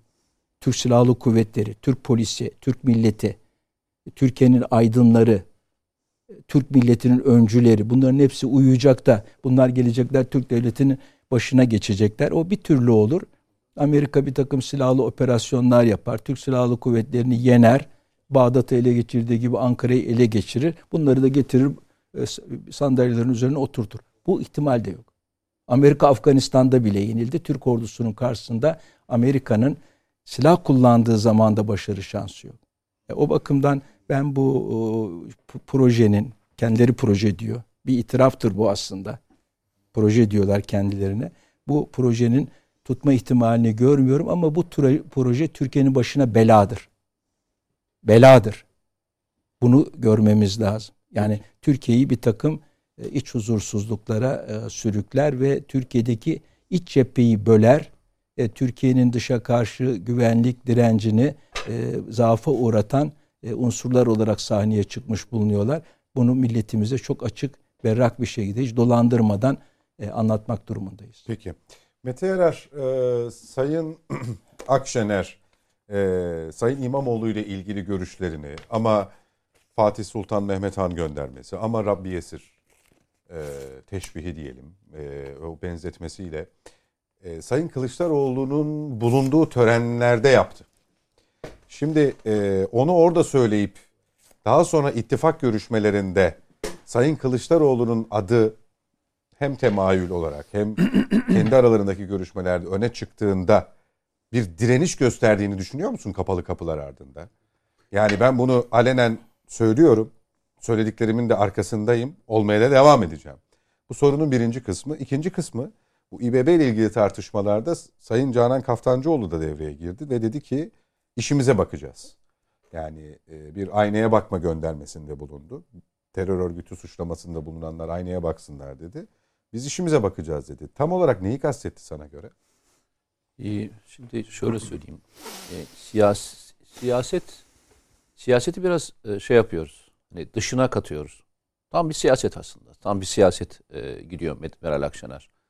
Meral Akşener e, sonuçta baktığında ana muhalefet parti lideri değil.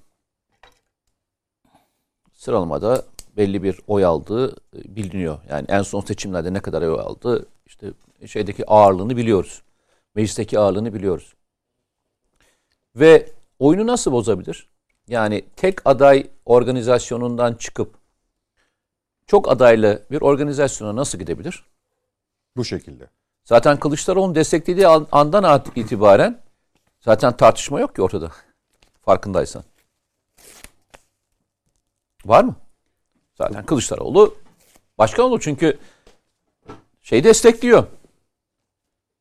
Ee, Saadet Partisi destekliyor. Şey itiraz etmiyor. Ee, Deva Partisi. Gelecek Partisi de itiraz etmiyor. Bir tek itiraz eden burada oyunu bozan, onlara göre oyunu bozan kim? Meral Akşener. Meral Akşener'i de direkt e, desteklemediğini söylemiyor ama başka birisini ön plana çıkartarak oyunu hala sıcak tutuyor. Bakın hala oyunu sıcak tutuyor. Başka bir kişiyi destekliyor. Tam bir siyasi manevra yapıyor. Hani bunu nasıl böyle bozabilirsiniz? Herkes kendi adayıyla gitsini nasıl ortaya çıkartırsınız derseniz ben de olsam böyle yapardım. Çünkü e, farkındaysanız son dönemde açıklamalara... O zaman Sayın Kılıçdaroğlu'nun da okuyabildiği bir siyaset bu. Bakın son dönemde hatırlarsanız. Bir hayal kırıklığı yaşamıyor yani kendi için. Yok. Çünkü son dönemde birbirlerine karşı söyledikleri e, olaylara bakarsanız çok rahat olarak anlarsınız. E, Sayın e, Kılıçdaroğlu ne demişti? Evet oy verenler için ne demişti? Cumhuriyete ihanet ettiler demişti. Arkasından e, İyi Parti Genel Başkan Tezkere Yardımcısı ediyorsun. efendim? Tezkere ediyorsun. Tezkere için söylüyorum. Arkasından İyi Parti'nin Genel Başkan Yardımcısı Kılıçdaroğlu ile ilgili bir şey söyledi. Ona Faik Öztrak bir kelime söyledi. Ve sonuçta kendileri için tanımlarken söyledikleri şey ne? Biz bir seçim ittifakı yaptık. Seçim ittifakı yaptık dedi. Anlaştığımız konular var. Anlaşmadığımız konular var. Anlaştıkları konu neydi? Parlamenter sisteme dönüş. Bunun dışında e, anlaştıkları bir konu yok. Hangi adayla gidilecek, nasıl gidileceği konusunda bir şey de yok. Hatta şöyle söyleyeyim. Seçim ittifakına gidiyoruz derken buradaki seçim ittifakı tabirini de şey için kullanıyorlar. Cumhurbaşkanlığı seçim için kullanmıyorlar. Milletvekili seçim için kullanıyorlar. Hmm. Ben e, eğer İyi Parti İyi Parti oyunu yükselttiğini görürse ben her zaman baştan beri söylüyorum. Üçüncü ittifaka ayrılır. Yani bu ittifakın içinden çıkar. Hmm. Seçim ittifakı içinden çıkar. Ayrı bir yere doğru kendini konumlandırır. Başından beri iddiam hatırlarsanız daha bu olaylar bu hiç başlamadan. Bütün bozmaz mı ama? Yok. Çünkü geçen gün Meral Akşener bir e, finansla ilgili bir toplantı yaptı sanırım. Bir e, kendi İyi Parti'nin bir toplantısını yaptı. Bu toplantının içerisinde yaklaşık 20 küsur e, defa İyi Parti'nin iktidarı diye bahsetti. Millet İttifakı'nın iktidar diye bahsetmedi. İyi Parti iktidarı, İyi Parti, İyi Parti ve İyi Parti. Parti grubunda da söylüyor bunu. Şimdi Meral Akşener'in bir yol haritası var. Bu yol haritası içerisinde e, İyi Parti'nin e, tek başına iktidarı tek var. başına iktidarı var. Yani birisiyle iktidara gelmek gibi bir durum yok. E, ve burada yüzde 20'lere yaklaşan bir oyu görürse buradaki HDP'nin üzerinde oluşturduğu baskıdan kurtulup kendini sıyırır. Yanına bir veya birkaç tane daha partiyi alıp yüzde otuz bandına kendini taşıyabilir mi, taşıyamaz mı deneyecektir. Yani benim e, gördüğüm tablo bu. Çünkü bu taraftaki baskı yani HDP ile e, İyi Parti arasındaki pardon Millet İttifakı arasında görünmeyen ama e, kimsenin de itiraz etmediği o görüntü İyi Parti'nin yukarı çıkışındaki en büyük manivela. Manivela diyorum. Şey e, zincir. Kendisini aşağı bağlayan zincir. Bunu böyle, onlar da öyle görüyorlar. Yani HDP'den oy gelmeyeceğini. Hatta şunu lafı herkes ne söylüyor? Meral Akşener şeye aday olmasın HDP ona oy vermez. Ödemiyorlar mı? Şunu söylüyorlar mı? Meral Akşener de olsun ilk kadın Cumhurbaşkanı olsun hepimiz arkasında bileşiriz gibi bir laf duydun mu Millet İttifakı'nda? Zaten herkes safını ayarlamış. Herkes safını oluşturmuş. Daha buradaki genel- manevra, bakın buradaki manevra Meral Akşener tarafından Ekrem İmamoğlu manevrası Ekrem İmamoğlu'nun Cumhurbaşkanı adaylı olması için değil. Ortak bir aday çıkmaması ve herkes kendi adayıyla e, gitmesiyle ilgili. Ama bunu senin söylediklerinin üzerinden değerlendirecek olursak e, zaten genel yani ittifakın da siyaseti adayın bariz ortaya çıkmamış olması şeklinde değil mi? Öyle ilerlemiyor mu? Yani Yo. mesela hep soruyorlar ya kim işte çıkarın adayınızı herkes söyleyeyim. bilsin Şimdi kim olduğu görsün. Erken demiyorlar mı sürekli? Ben sana şöyle söyleyeyim. Ee, şöyle bir tablo var mı? Hem erken seçim isteyeceksin Hem adayın belli olmayacak. hem de sana diyecekler ki "E, tamam erken seçim oldu. Adayınız kim? Ama adayımızı daha konuşmadık. Yani erken seçim istiyorsanız adayınızı çıkartırsınız. Bir tablo koyarsınız. O tabloya göre şimdiden çalışmaya başlarsınız. Ve hani şöyle bir şey var. Adayımız yıpratılır. Ben anlayamadım. Yani Türkiye'de siyaseten yıpratılmayacak kimse var mı?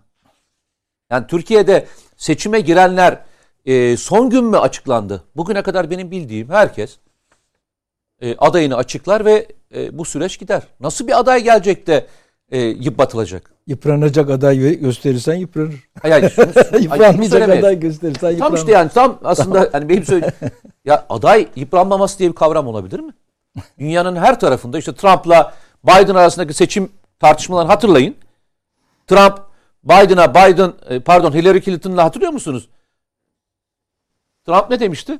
Siz DAEŞ'i kurmuştunuz, kurdunuz dediniz dedi Hillary Clinton'a. Yani birisi Cumhurbaşkanı şey Cumhurbaşkanı diyorum devlet başkanı olacak şeyin. Adaya. Adaya bunu Rakibine. söylüyorsunuz. Dünyanın her tarafında bu süreç yaşanacaktır. Buradaki mevzu yıpranması hikayesi değil. Hala bu kavganın Millet İttifakı'nı yıkabileceklerini kendileri de biliyorlar. Bakın Millet İttifakı'nın en hassas konusu HDP değil. İktidarın nasıl paylaşılacağı ve iktidara geliş gelişte nasıl bir tabloyla gelineceği. Şimdi şey söyleniyor. İşte bir tane cumhurbaşkanı olacak. Partisinden istifa edecek. E başbakan kim olacak? İşte devlet birisi devlet başkanlığına getirilecek. Devlet başkan yardımcılığına getirilecek. Devlet başkanlığına getirilen de başbakan gibi davranacak. Böyle bir tablo çiziliyor değil mi?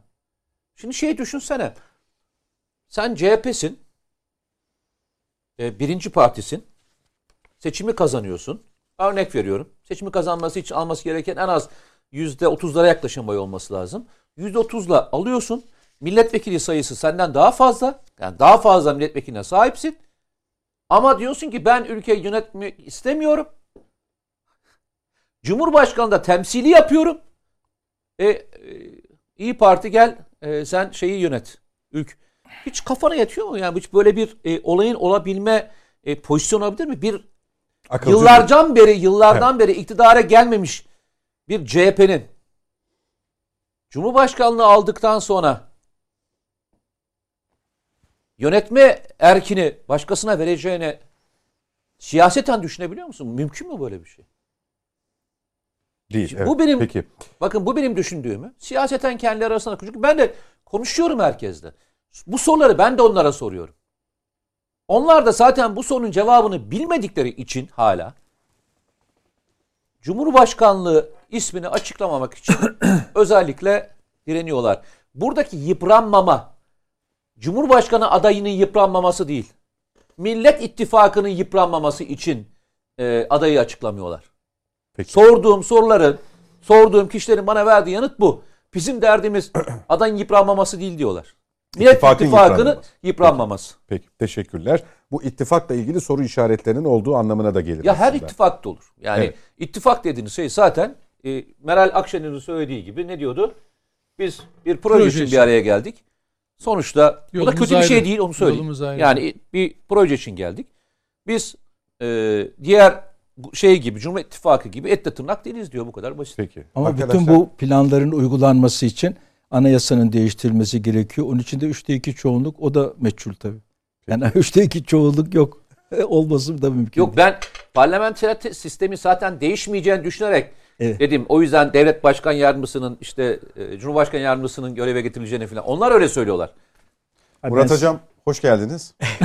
Müsaadenizle biz çıkıyoruz. Ee, söz sizin. Rica ederim, rica ederim. Efendim ekonomi başlığını açıyoruz. Kendisini tek Son başına verin. etaba girdik yavaş yavaş. Ee, çok beklettik kendisini. Estağfurullah. Ee, siyasi konular e, uzadıkça, yorumlandıkça iç içe e, daha da e, hacimli hale gelebilir malum. E, bu kısmında bırakalım. Hocam şimdi geçen hafta bu saatlerdeydi herhalde. Biz yayına girerken Sayın Cumhurbaşkanı'nın bu e, kur korumalı TL mevduat hesabını açıkladığı sıcak saatlerdi. Biz e, Mete Yarar uzaktaydı ama e, sürekli işte dolardaki düşüşü hayretle izliyorduk. E, çok e, karşılaştığımız bir şey değildi. Biz en azından 17-18 teyit etmek için uğraşmıyorduk. Evet evet 17-18 bandında yayına başlamıştık. Herhalde bir 12'leri 11'leri yayın Yok. esnasında gördük. 14'ü gördük. 13 14'leri 14'ü gördük gördük. ya da yayından sonra gece saatlerine doğru yine 12'li rakamlar ki 11 bandına oturmuş Ben bir vaziyette. şey sorabilir Şimdi miyim? Merkez Bankası bir açıklama yapmış. Dolardan Türk liraya geçeceklere e, ZK teşviği verilecek demişler. Zorunlu karşılık teşviği. Ee, bankalar biliyorsunuz e, tuttukları Şimdi mevduatın karşılığında bir Tamam. zorunlu karşılık ayırmak durumundalar. Hı hı. O zorunlu karşılıkta anladığım kadarıyla tabii sizin söylediğinizden öyle anlıyorum olumlu bir şey olarak. Ee, onu biraz aşağı düşürürlerse bankaların işlerini kolaylaştırırlar. Dolayısıyla aslında temel mesele dövizdekiler TL'ye geçebilecekler. Esas mesele bu. Bunu kolaylaştıracak bir yan e, yeni düzenleme olarak ortaya çıkabiliyor. Ben müsaade şöyle diyeyim. E, aslında tabii ilahi adalet var.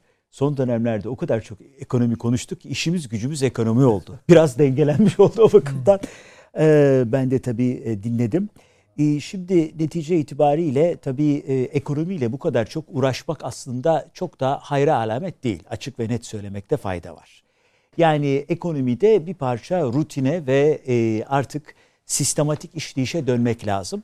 Münhasıran özellikle de e, sadece dolar TL paritesine bakarak hayatımızı sürdürmemiz mümkün değil. Yani ben gerçekten üzülüyorum. Şimdi e, Sayın e, Perinçek'in burada kitabı var Üretim Devrimi diye gördüm.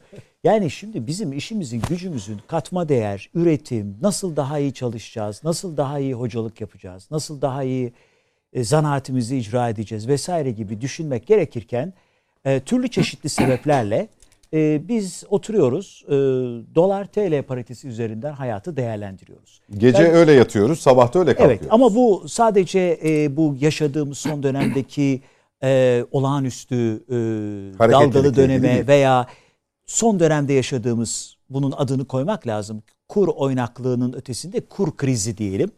E, çünkü kriz koşulları adlandırılırken sadece kriz büyük ve genel olan anlamda kullanılmaz. Ufak mini krizler de olur.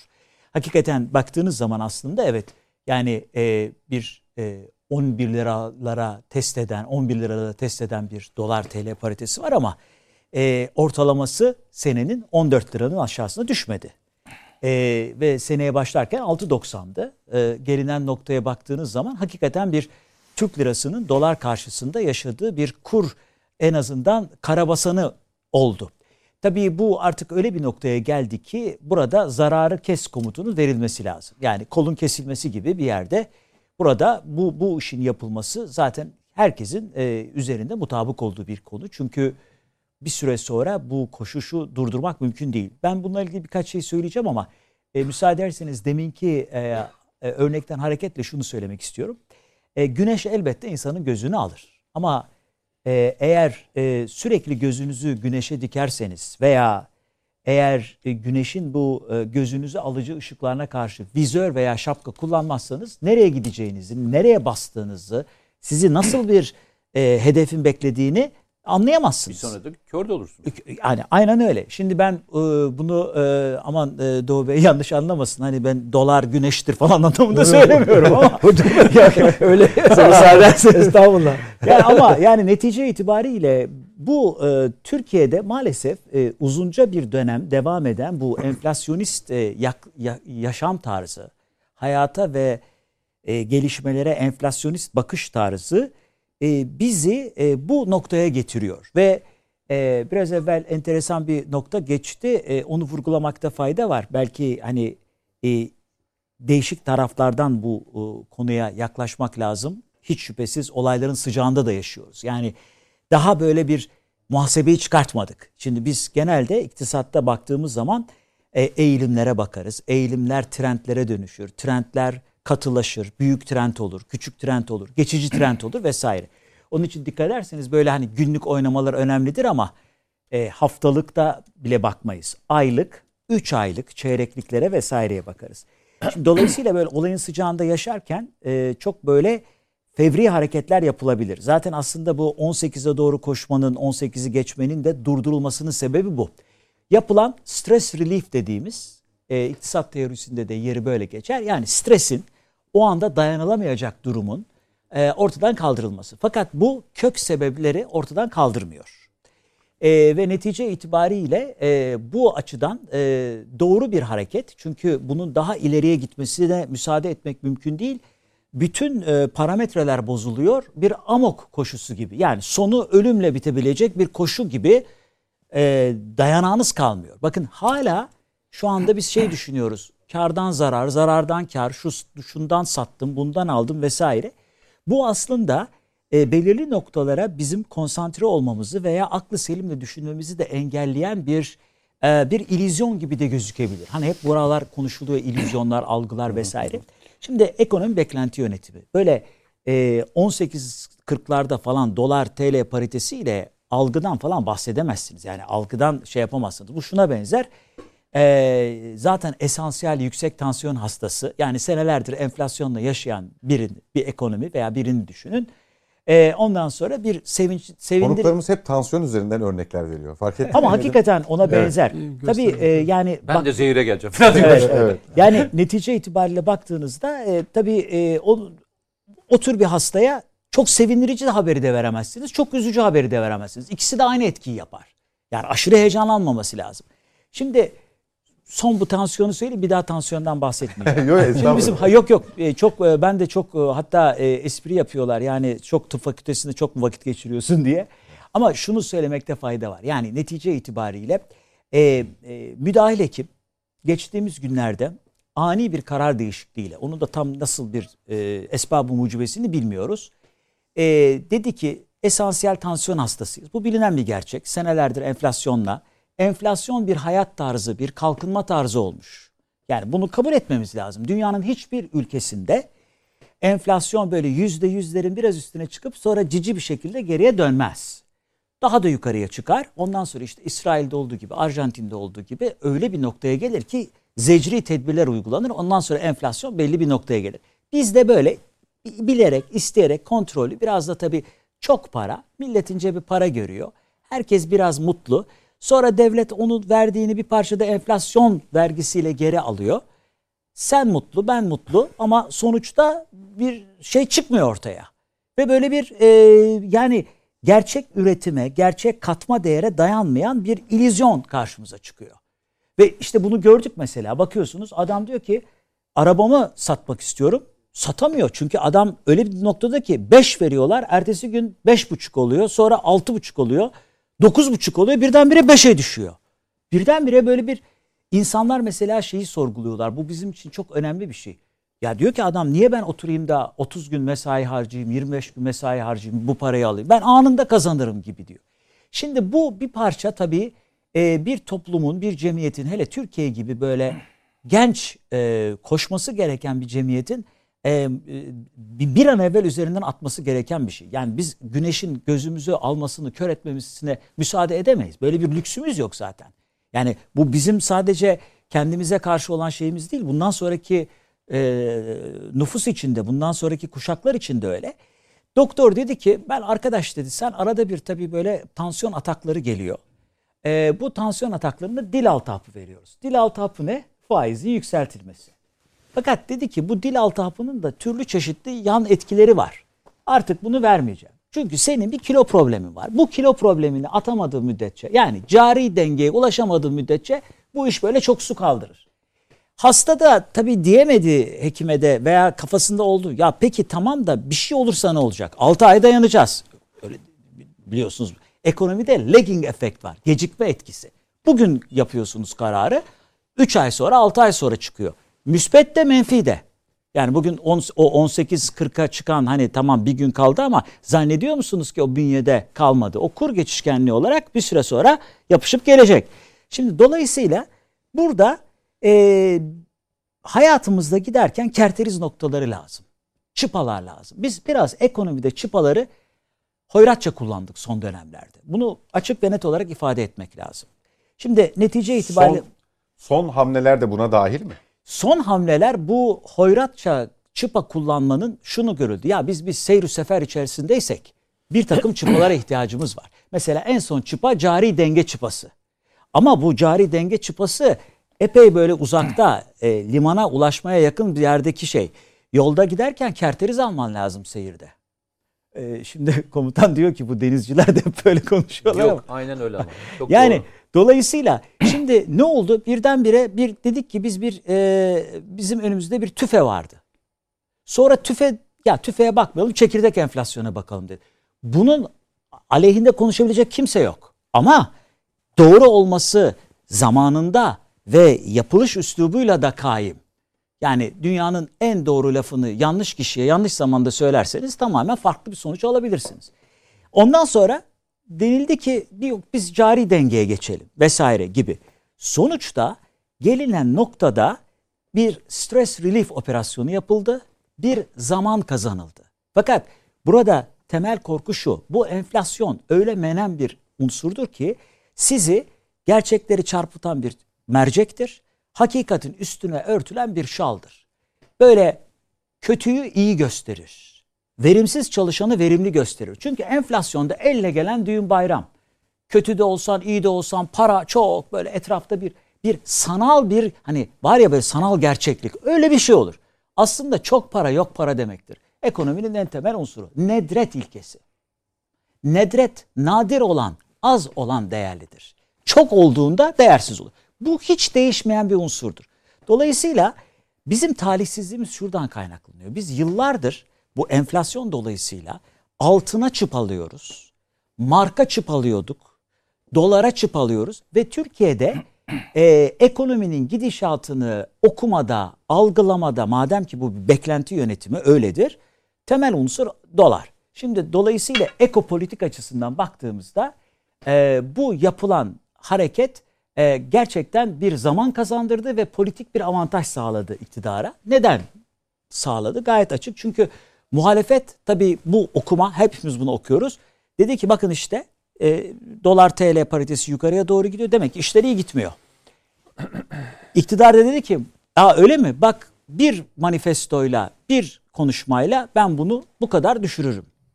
Şimdi eğer o parametreler öncelik alınacaksa orada bir ön alma, zaman kazanma oldu. Fakat şunu unutmamak lazım. Şimdi bu zaman kazanıldı, stres atıldı ama kök sebep ortada. Bu nedir? Enflasyon. Bunu çok açık ve ne söylüyorum. Yani nereden çıktı, oradan mı, o onun sebebi mi, bu, bunların hepsini tartışırız. Ama netice itibariyle enflasyon meselesini e, belirli bir noktada kontrol altına almadığınız müddetçe bu fasit daire devam eder. Hocam enflasyon mu ki üretim kıtlığı mı? Ya da ee, ha şimdi tabii şu üretim yapılabilmesi için yatırım yapılması ve kaynak evet, tahsisi evet. lazım. Fakat enflasyon Tasarruf işte demin var. dediğim hokkabazlık yapar. Yani der ki adam ya niye yatırım yapayım ben zaten paradan para kazanıyorum. Bir süre sonra şöyle bir şey olur. Bir kardeşimiz der ki ben niye çalışayım 3 bin liraya, 4 bin liraya, 5 bin liraya evde oturayım e, şunu yapayım bunu yapayım. Yani Hocam çok özür dilerim. Ee, zamanı da verimli kullanmak Tabii, tabii. adına. Şimdi daha E, spesifik sorarsanız kafalı, Evet. e, işte kafalardaki soru işaretleri e, belli yerlere takılıyor. Bir, bu bir örtülü faiz. Öyle mi? İki, sözünü ettiğiniz çıpalarda bunun bir karşılığı var mı? Ee, bir lobi oyunuyla geçmişte çokça telaffuz ettiğimiz karşı karşıyaydık. Bu bozuldu mu? Faiz lobisini kastediyorum.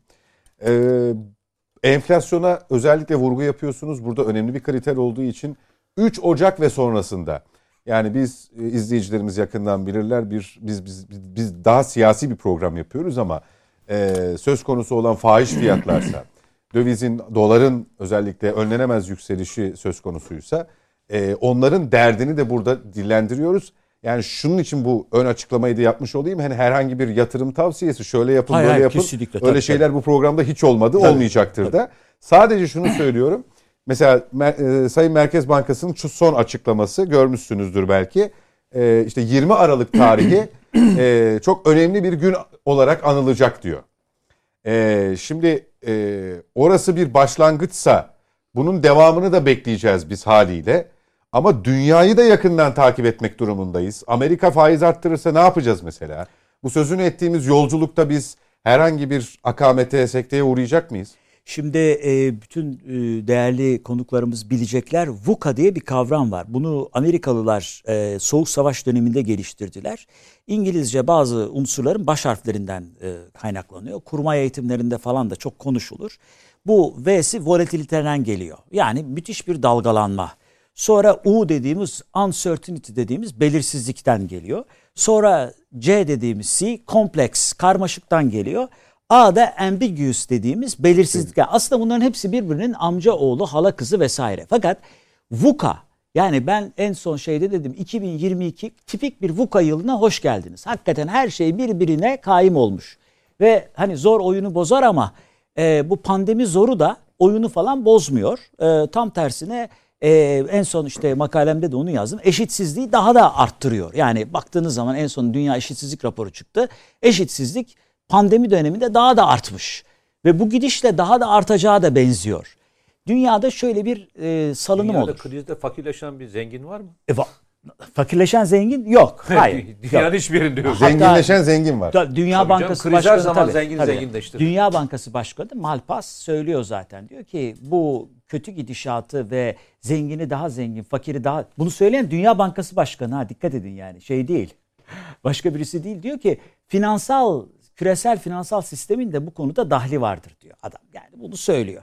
Tabii biliyorsunuz Batılıların güzel bir şey vardır. Bunu ben Amerika'ya ilk gittiğimde şaşırmıştım. Ya adamlar her türlü haltı ediyorlar, mediyorlar. Ondan sonra çamaşır, kirli çamaşırlarla yıkay, yıkıyorlar, dizi yapıyorlar, kitap yapıyor. Bir de oradan para kazanıyorlar. Dürüst- Ama böyle bir faziletleri var. Yani adam Evet, bundan da para kazanıyor. evet. Ters çeviriyor onu. Bilimsel dürüstlük. Algıyı da algıyı da yönetiyor. spin yapıyor. Abi. Şimdi burada mesele şu. Dünyada kriz olduğu zaman bir krizde tabii herkese bir şey geliyor. Eyvah ne olacak diyoruz. Can suyu sağlıyor. Devlet hiç merak etme ya ben senin arkandayım diyor. Ve refleksiyonist, serbestleştirici politikalar oluyor. Bunun genel geçer ifadesi, en basit ifadesi para basmak.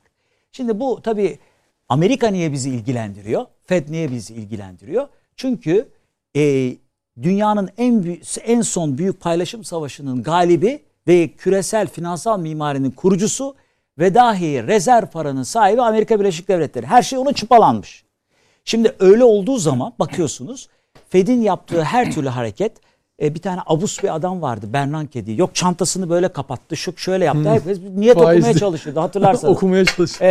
E, acayip şeylerdi. E, ama yani netice itibariyle baktığınızda refleksiyonist politikalar hep aynı. Önce bir dolduruyorlar. Bol dolar, ucuz dolar dünyada oh diyorsunuz ne güzel geliyor. Hatta bizim şirketler diyorlar ki ya niye buradan TL kredisi alacağız? Bol ucuz dolar var. Al al al ondan sonra şöyle bir şey oluyor. Bakın 2008'de de aynı oldu. Şimdi de aynı olacak. Diyorlar ki bir dakika ya. Aa birden dolar evine dönüyor, yuvasına dönüyor. Sanki do- dolar gurbete çıkmış.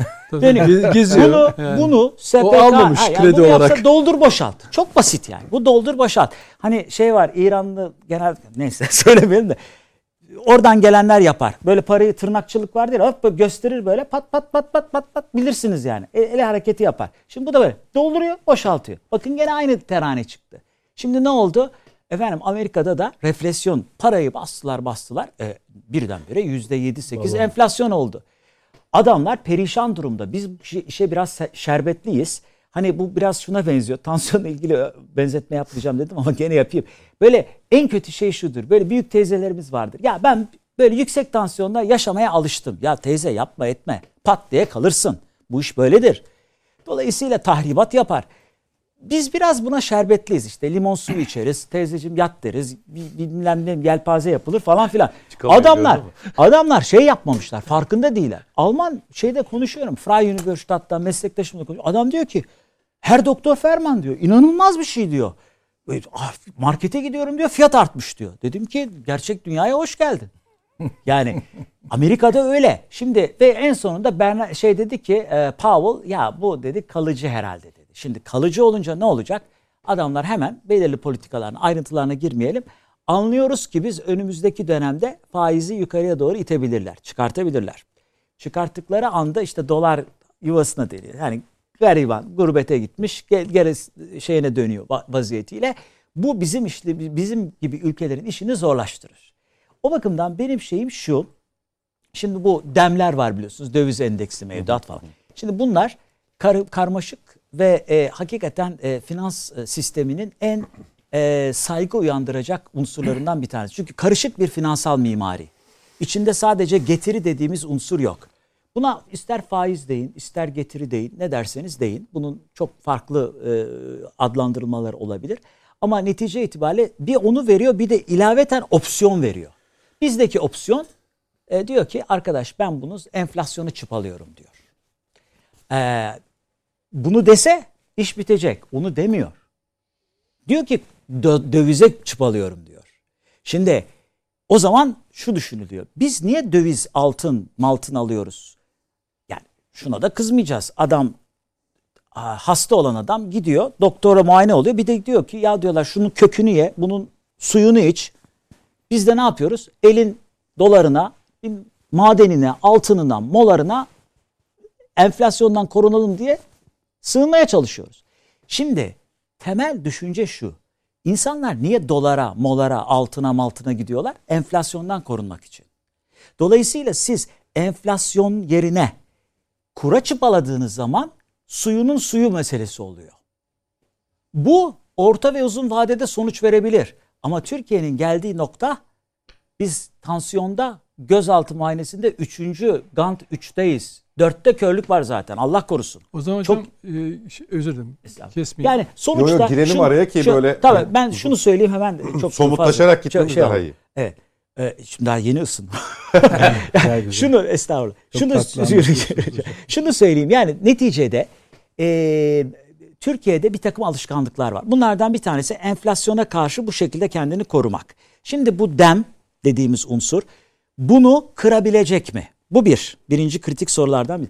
İkincisi Türkiye'de sırf enflasyon dolayısıyla insanlar kısa, orta ve uzun vade perspektiflerini dünyadan farklılaştırılmış bir şekilde algılıyorlar.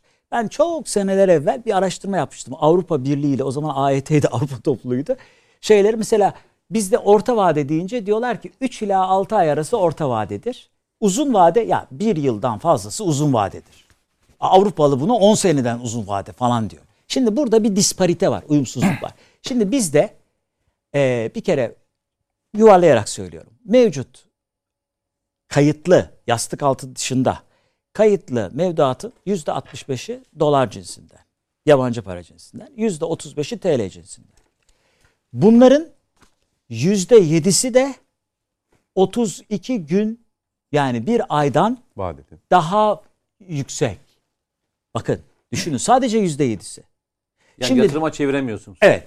Çünkü herkes ne olur ne bilmiyoruz ki enflasyonda ne olacak diye. Hı. Çıpamız yok. Şimdi dolayısıyla mesele şu. Bu opsiyonlu araç bakıldığı zaman insanların bu tercihini ve öğrenilmiş bazı çaresizlikleri veya modelleri değiştirir mi? Değiştirebilir başta. Ama bunun kalıcı bir etkiye dönmesi için aynı anda işte onun için model denilen meselenin esası bir arada değerlendirilmesi lazım. Ben o gün Sayın e, Başkan bunları açıklarken e, hemen ertesi günkü programda şunu söyledim. Bu e, şovun yıldızı oldu. Bir, çünkü bir anons etkisi yaratıldı. Bu anons etkisi diyoruz biz buna. Hakikaten herkes birdenbire bir anons etkisi ama anonsun arkasının doldurulması lazım. Şimdi onları dolduruyoruz. Orada da çok dikkatli davranmamız lazım. Bakın hala mesela şeyi bilmiyoruz. Ee, bu bir kere mi yapılacak dövizden geçildi? Öbürlerinde kaç kere yapılır?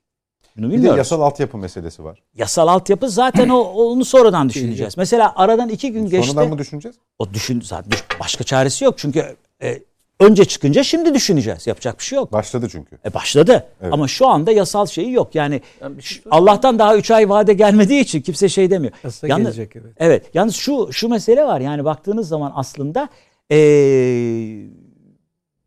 acil müdahale gereken bir durumdaydık. Onun için hani kavgada yumruk sayılmaz meselesi var. Fakat eğer siz bunu diğerlerinden koparırsanız tamam yıldız bu dem ama başka düzenlemeler var. Bir de şunu söylemekte fayda var. Madem ki beklenti yönetiminden bahsediyoruz. Ekonomi bu tamam. Algı yönetiminden farklı yalnız. Beklenti yönetimi. Şimdi beklenti yönetiminde şuna dikkat edeceksiniz. Eğer siz e, bu kazanılan zaman içerisinde bir takım böyle mesela model gibi büyük şeylerle çıkıp iddialarla çıkıp altını dolduramazsanız ondan sonraki beklenti halelerini de zedelemiş olursunuz. Şimdi ben çok açık ve net bir şey söyleyeyim. Biz model kavramını genel geçici ben de kullanırım. Tamam model derim. Ama iktisat açısından model şudur. Model meşhur Immanuel Kant'ın mesela idealist felsefesi var. Model dediğin zaman bir kavram ortaya atar. Ortaya attığı her kavramı gene kendi kavramlarıyla tanımlayıp cevaplayabilecek bir şeydir. Ki, Şimdi bu, bu bir, model değil midir? Bu bir vaziyet ediştir. Bu sistematik bir şekilde bir paketle karşı duruştur. Ama bunu bir model olarak nitelendirirseniz biraz bence boş yere ümit e, lendirilmiş veya sonrasında işimizi kendi kendimize zorlaştıracak bir unsur olarak karşımıza çıkar. Modele doğru bir adım olamaz mı? E, olabilir. Elbette. Ya, tabii tabii. Evet. Zaten model bu tür vaziyet edişlerden, paketlerden, bütünlerden oluşur. Modülerdir. Evet. Ama e, beş tane birbirini destekleyen unsuru ki bunlar çok önemli çünkü birliktelikten doğan güç sinerji var. Şimdi niye e, askerlikte manga, takım vesaire var? kahramanların kahramanı komutanım. Ama altta başka ekip olmadıktan sonra o gücü alamıyor. En azından sevk ve idare edici bir bir bir enerjinin olması lazım. O tim olmayınca evet. Olmuyor. Bir de onların sorumluluğunu alarak hareket ediyorsunuz. Şimdi dolayısıyla benim şeyim şu. E, bu konular tabii teknik olarak çok tartışılabilir vesaire ama Daha yeni başlıyorsun. Evet. Bir bir şeyi unutmayalım. Enflasyonun bu bize yaptığı kötü bir oyundur büyük iktisat tarihçisi e, Werner Zombart diyor ki e, geçmiş dönemlerde bunlar daha çok okunurdu, çalışılırdı. Evet, Şimdi gençler pek tanımıyor bunları. Max Weber'ler, Zombart'lar, yani sosyoloji, sosyolojide evet, vesaire. Diyor ki bir cemiyete yapılabilecek en büyük kötülük enflasyondur. Bütün e, hayata karşı duruşu, bakışı dejenere eder. Bakın ne olur? İnsanlar ne yapacaklarını bilemezler. Satın alma kararları istek mi, ihtiyaç mı, nedir, ne değildir dejenere olur. Dejenere olunca hayata karşı bakışınız olur. Onun için e, Şevket Pamuk'un kitabında da bakın TÜİK, TÜİK basmıştır Devlet İstatistik Enstitüsü o zaman. Osmanlı döneminde e, e, enflasyon. 1682 yılında ne olmuş? Nedense bütün büyük devrimler, bütün büyük ihtilallerde de 1789'da niye Fransız devrimi oldu da 1787'de olmadı. Bunların hepsinin bir esbab-ı mucibesi vardır. Ee, büyük e, Spartaküs e, köle isyanından bu yana Ravi Batra diye bir dostumuz vardı. Ben de Amerika'da tanıştım kendisiyle SMU'da. O biraz da fatalist bir şeye Hint kökenliydi. Diyor ki gelir dağılımında belirli bir eşitsizlik, eşitsizlik belli bir oranı aştığı zaman böyle bir bir e, nümayiş veya bir ayaklanma şeyi oluyor. Bu Kriz 1990 kitabını da yazmıştı. Hı hı. Öyle. Şimdi şunu söylemeye çalışıyorum. Enflasyon sizi Biliyorsunuz böyle e, rahmetli Bedri Koraman'ın enflasyon canavarı diye bir şey vardı. Böyle küçük bir şey sevimli. O canavar gelir böyle sevdikçe birdenbire büyür sizi altta öldürür, nefessiz bırakır. Şimdi enflasyon şöyle yapıyor. Diyor ki merak etme sen bak dem çıktı o çıktı, bu çıktı, sen şey yap, onu yap, bunu. Bunlar çok güzel. Ama esas kök mesele kalıyor orada.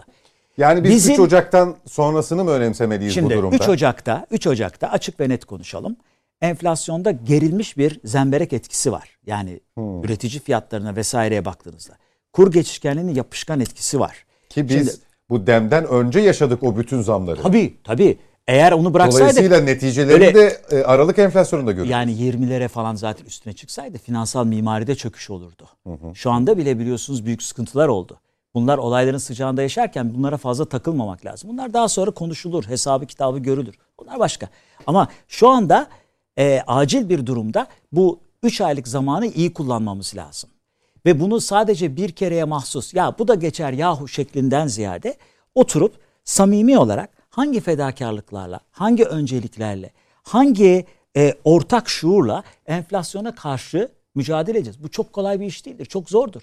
Şey gibi çocuk ağlar hemen şeker verirler susar. E ne oluyor? Devamlı çocuk şeker manyağı olur. Onu şeker ye bir şey çıkar hop tekrar aşağı hop enerji aşağı enerji yukarı. Dolayısıyla şunu söylemekte fayda var. Bütün bu demler şunlar bunlar Allah aşkına enflasyonun yani kök meselenin üzerini perdelemesin. Çünkü enflasyon bir yere kaçmıyor. Bakın birkaç gün sonra yılı bitireceğiz. Yıl sonunda enflasyon kendisini otomatikman sıfırlamıyor. Enflasyon stoku dediğimiz bir şey var. Ben şimdi rakam telaffuz etmek istemiyorum. Yok, ama etmeyelim de yok zaten. etmeyeceğim ama Aralık ayı enflasyonunun iki haneli olacağı matematik olarak ortada. Şimdi iç yapılan dinamiklerine bakınca ben maalesef önümüzdeki dönemi enflasyonun daha da şahlandığı bir dönem olarak görüyorum. Dolayısıyla bu açıdan bakıldığında çok dikkatli bu zamanı, bu e, önemli bir hazineye de yük getiren, hepimize yük getiren, maddi manevi yük getiriyor. Devamlı insanlar düşünüyorlar. Hepimize soruyorlar, size de soruyorlardır. Yani ne yapacağız? Onu mu yapalım, bunu mu yapalım bilmem. Herkes bir arayış Yani içinde. bundan bugünden yarına kurtulmak çok mümkün değil anladığım. Çok mümkün değil ama tekrar ediyorum. Doğru bir hareket yapılmıştır çünkü bunun sonu felakettir. Yani böyle bu kadar yukarı yönlü şey amok koşusu gibidir. Şu veya bu şekilde e, bunun engellenmesi gerekir. Ama bunun tekrar e, ortaya çıkmaması gerekir. Bakın olağanüstü koşullarda yapıldı. Bunlardan bir tanesi e, Avrupa piyasalarının biliyorsunuz veya dünya piyasalarının Christmas tatilinde olmasıydı. Ve bundan sonra mesela bakacağımız genel iyileşmeye bakacağız. Mesela CDS'lerde bu borç ödeme şeyindeki durumlar, tahvil faizleri ve son olarak da şunu söyleyelim.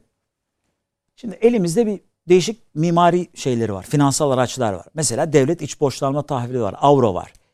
Şimdi bu yeni enstrüman onların önünü kapar mı? Bir de ona bakmak lazım. Spekülatif beklentileri körükler mi? Öyle bir noktaya geliyoruz ki kaderde tasada kıvançta biriz diyoruz. Bazıları diyorlar ki hay Allah diyorlar şu bir fiyattan aldım şuraya kadar çıksın. Öbürü diyor ki şundan aldım buraya düşsün. E, Bu bizim e, konsantrasyonumuzu bozar. Bu bizim dayanışmamızı bozar. Bu enflasyona karşı bir ve beraber mücadele etmemiz şeyini bozar. Onun için enflasyon bir numaralı problemdir. Bu kök meselenin hiçbir enstrüman, hiçbir paket, hiçbir duruş, hiçbir beyanat, hiçbir manifestoyla üzerinin örtülmesine müsaade edilmemelidir. Orta ve uzun vadede. Çünkü bizim açımızdan önemli olan şu anı elbette düzeltmektir ama sürdürülebilir. Bakın sürdürülebilir bir sonuç elde etmektir. Evet, Dolayısıyla bu da bu bir açıdan- teyakkuzu gerektiriyor. Aynen öyle ve uyanık olmayı gerektiriyor. Evet. Yani e, böyle e, şey derler, anestezi lokal derler. Hani hipnotizma gibi şeyler olur. E, onlar belki insanı geçici olarak rahatlatabilir. E, dişiniz ağrıyorsa bir iğne yaparlar, geçer. Ama eğer oradaki çürük e, ve müdahale edilmezse sonra tekrar bu sıkıntı ortaya çıkabilir. Artarak. Bir şey sorabilir miyim? Tabii. Ee, şimdi Türkiye'de mevduat üzerinde belli bir orana kadar, belli bir meblağa kadar hazine garantisi var. Var. Hala aynı şekilde devam ediyor.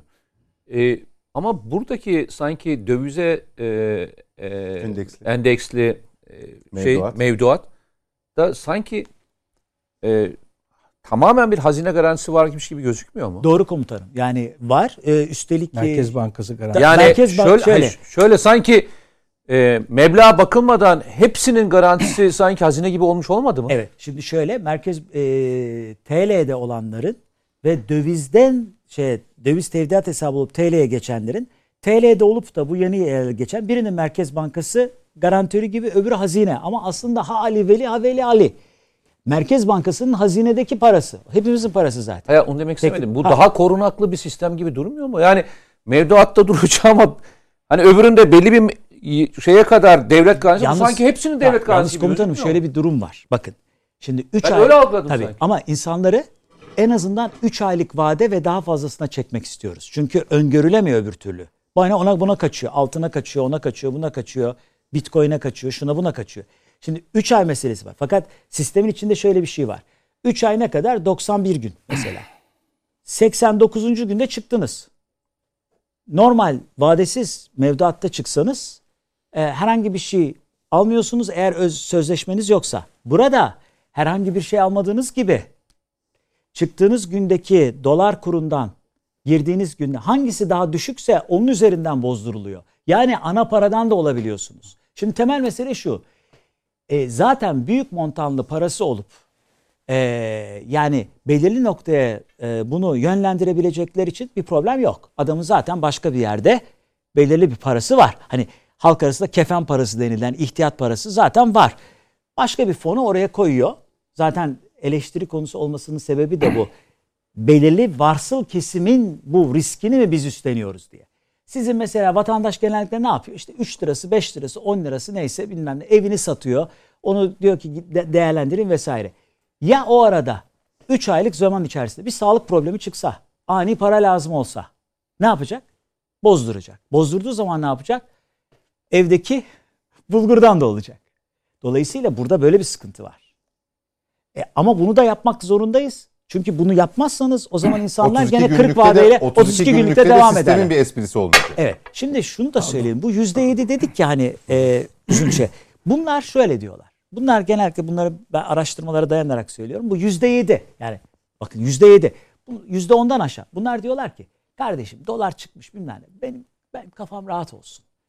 14 mi alacağım? 15 mi alacağım? Bankaya yatırırım. Vade sonunda hesabımı bilirim. Böyle bir garantici var. Ama bu yüzde yedi on. Hadi yüzde on. Tamam. Bu önemli. Şimdi dolayısıyla bu kesim acaba bırakıp da o güvenceli kafa yapısını buna gel- gelir mi? DTH'ı dövize olan bozup geçer mi? Bizim ilk kanaatimiz daha ziyade TL'si olanların bu sisteme e, dahil olması. E, orada da işte bir kere mi olacak, iki kere mi olacak gibi unsurlar var. Kafamızda deli sorular gibime E, geliyor. bunları bunları bankacılarla tabii bunların en iyisini bankacılar belli noktaya kadar bilirler. Onlarla konuşmakta fayda Yavaş var. yavaş sona geliyoruz. Doğu Bey'in bir görüşlerini alayım bu modelle Tabii, ve tabii. hocamın Şimdi söyledikleriyle efendim ilgili. 20 Aralık Sizin kaygılarınız var Evet. mı? kaygılarım değil de umutlarımı büyüten süreç başladı. Yani e, 20 Aralık 2021 tarihi e, Türkiye tarihinde bir dönüm noktası olabilir. Benim kanaatime göre de olacaktır. Sayın Bakan'la aynı düşüncedesin. Olacaktır. Yani e, Sayın Bakan böyle söylüyorsa e, tamamen doğru söylüyor. Neden olacaktır? Çünkü Türkiye ekonomisinin mecburiyetleri ve Türk milletinin yaşama arzusu ve ihtiyaçlarını e, giderme e, kararlılığı e, bu yol bu doğrultuya Türkiye'yi sokacak. Şimdi bir sistem değişiyor. Yani onu görmemiz lazım. İflas eden bir sistem var. O hangisi? 1980'de başlayan, Turgut Özal'la başlayan, ondan sonra borçlanma ekonomisi diyelim. Dünya ekonomisiyle entegrasyon, bütünleşme adı altında geldi. Bu sistemin özü e, şuydu. Dünya ile bütünleşiyoruz derken yani Tü- Türkiye'nin üretim yapısına ağır darbeler indiren ve e, Türkiye'nin kapısını bacasını açıp sonuç itibariyle Türkiye'nin hem kobilerini e, zor duruma düşüren hem tarımını sistem nasıl geldi? E, üretici e, çiftçiyi e, Türkiye'nin sırtında kambur ilan ederek geldi. Yani sistem Türkiye'nin üreticisini suçlayarak geldi. Yalnız çiftçiyi değil. Küçük orta sanayicileri de suçladı. Hatta büyük sanayicileri suçladı. Dedi ki ya bunlar çürük çarık mallar üretiyorlar. Yaptıkları buzdolabı buz yapıyor. Efendim çamaşır makinesinin pervanesi dönmüyor falan. Dolayısıyla e, dışarıdan alalım. Bu daha ucuz olur. E, daha ucuz getiririz. Maliyetleri düşürürüz ve e, sonuç itibariyle de dış piyasalarda rekabet yeteneği kazanırız. Ama sistem ne oldu? İhracat odaklı olarak gelen sistem ithalatta patlamaya yol açtı ve Türkiye'de muazzam bir e, dış ticaret açığı, efendim dış ödemeler açığı oluştu. Dolayısıyla Açık oluşunca da doların peşinden koşuyoruz. Dolar kaçıyor biz yakalayamıyoruz. Sistemin bu hale dönüşmesi bir çıkmaza getirdi Türkiye'yi. Ve e, hocamızın tabii çok tatlı anlattı. Rektörümüz çok e, güzel şeyler öğrendik ondan. E, bu kırıl, kırılan sistem artık sürdürülemez hale geldi. Yani bunu 2018 yılında Mali Hazine Bakanımız Sayın Berat Albayrak da söyledi. Dedi ki bu, bu e, şeyle sıcak para peşinde koşarak bu ekonomi devam etmesi mümkün değildir dedi. Geçenlerde Sayın Cumhurbaşkanımız da söyledi. Devlet Bahçeli de tarih vererek bu sistemin başlangıcı. Toparlayalım Sayın Perinçek. Bu, bu bir haraç sistemi. Yani şimdi o Türkiye o haraç sisteminin dışına çıkmaya çalışıyor. Bu korumalı e, kur sistemi e, bu haraç sisteminin dışına çıkmak için bir teşebbüs, bir adım. Yani ne yapıyor? Tasarrufunu e, insanlarımızın Türk lirasına bağlamaya çalışıyor. Yani doların peşinde koşmayın diyor. E, döviz e, kur farklarını ben size teminat veriyorum. Ondan sonra 3 ay, 6 ay, 9 ay, 12 ay vadeli e, tasarruflarınızı koruyacağım şeklinde. Dolayısıyla Türk lirasını ayakta tutmaya çalışan ve e, piyasalarımızdaki dolara bağlanma, tasarrufları dolara yöneltme eğilimlerinin önünü kesen bir adım. Ama bu bir adım.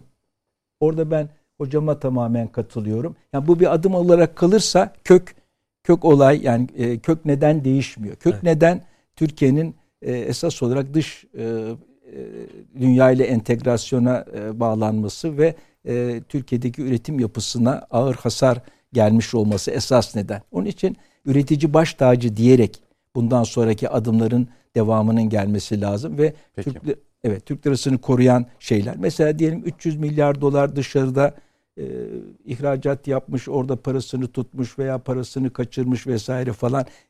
Önümüzde zecri köklü e, önlemler var. Olması şart.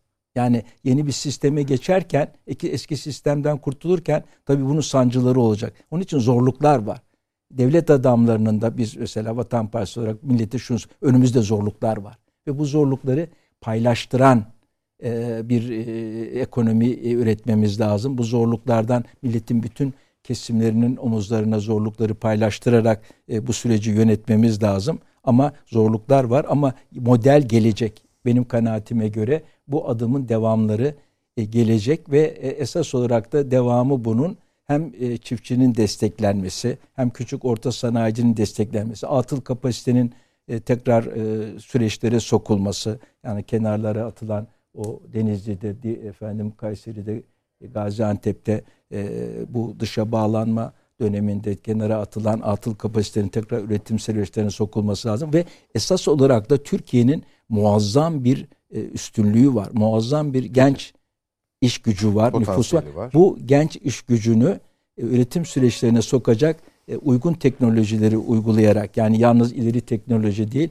aynı zamanda emek yoğun hem emek yoğun hem sermaye yoğun teknolojileri e, birleştirerek bir üretim atağına yani insan nüfusunu seferber ederek insan kaynaklarını harekete geçirip kimisini tezgahın başına korsun, makinenin başına geçirsin. Kimisini de diyelim e, abartılı bir deyimle eline kazmayı, küreği verirsin. Bütün bu modelleri birlikte deneyerek ve dolayısıyla e, piyasa, serbest piyasada da devlet müdahalelerine geçerek e, önümüzde devam edecek bir süreç. Peki hocam bir dakikayla ha, örtülü faizle de bir şey söyleyeyim. Tamam. Yani bu alınan, örtülü faiz. Örtülü faiz yok. Sıfır faiz var. Bakın bence e, hocamdan özür dileyerek söylüyorum. Yani e, bence örtülü faiz diyenler ekonomi bilmiyor. Çünkü bir, burada bir e, faiz vermiyor. E, Türk lirasındaki mevduatı koruyarak bir faiz vermiyor. O mevduatı e, dolarla dengeli e, tutuyor. Bu da sıfır faiz demek. Yani ayrıca banka faizi verir. Ama iktisat bilimi açısından bakarsak burada bir örtülü faiz değil, sıfır faiz var. Bir dakika hocam. E, Nedim ekleyeceğim bir şey var mı? Yok ben e, hocama şeyi soracağım. Yani e, bu son harekette 18 liraya çıkarken genelde iç piyasada e, evet. e, yurttaşların taleplerinin e, kur yükselmesinde etkili olduğu söylendi. Bizi e, yılbaşından sonra bekleyen yabancı spekülasyon evet. ya da yatırımcı diyeceğimiz gruplar olacak. Ki onlar da sıcak paraya evet. e, gözünü dikiyorlar. Düşük kur, yüksek faiz. Büyümenin e, yani daha doğrusu model, Türkiye'de hani açıklanan modelin e, çıpaları sizin bahsettiğiniz gibi faizi tabii anlattığınız gibi faizi düşürmek yönünde ekonomik büyümeyi sağlayacak, Evet. yatırımlar arttıracak. Öbür taraftan kura çıpalanmış durumda. Evet. Enfla oysa TÜSİAD'ın da hep üzerine durduğu bilinen iktisat yöntemlerinde faizin e, pardon e, enflasyon üzerine bir faiz dolayısıyla enflasyonu aşağı düşürür diye bir yaklaşım var. Bunun tersini ni denilen bir yöntem var şu anda. Yani bunun tersini e, bekleyen bir yöntem var. Yabancıyı da içine katınca bu sizin dediğiniz vaziyet alma. Nereye doğru evrilir Bir Ocak dakika ayında? olacağını düşünüyor muydun? Şimdi o bakımdan O bir dakikayı kullandı Nedim Bey. Bir, bir dakika daha veriyorum hocam. Çok Tabii. kısa bitirmek durumundayım. Yani o bakımdan ben bu zamanın çok iyi kullanılması gerektiğini söylüyorum. Çünkü dışarıdan gelecekler daha ziyade yatırımcıdan ziyade spekülas, spekülatörün manipülasyon tarafına e, eğilimli olanlar olacaklar. Dolayısıyla onlara karşı dik durabilmek ve yumuşak karnımızı tahkim etmek bakımından O geçen zamanı. Evet. Çünkü aksi takdirde bir süre sonra şimdi gelinen noktada şu var Nedim Bey. Yani tavuk mu yumurtadan, yumurta mı tavuktan artık bu itibari önemini kaybetmiştir. Geldiğimiz özellikle enflasyon düzeyinde e, biz buna farklı enflasyon isimleri veriyoruz. Şimdi morbid enflasyon vesaire diyoruz. Değişik şeyleri var.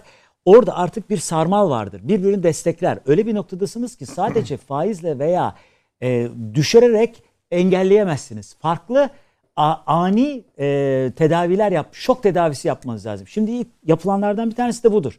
Ama sürekli şokla da bünyeyi ayakta tutamazsınız.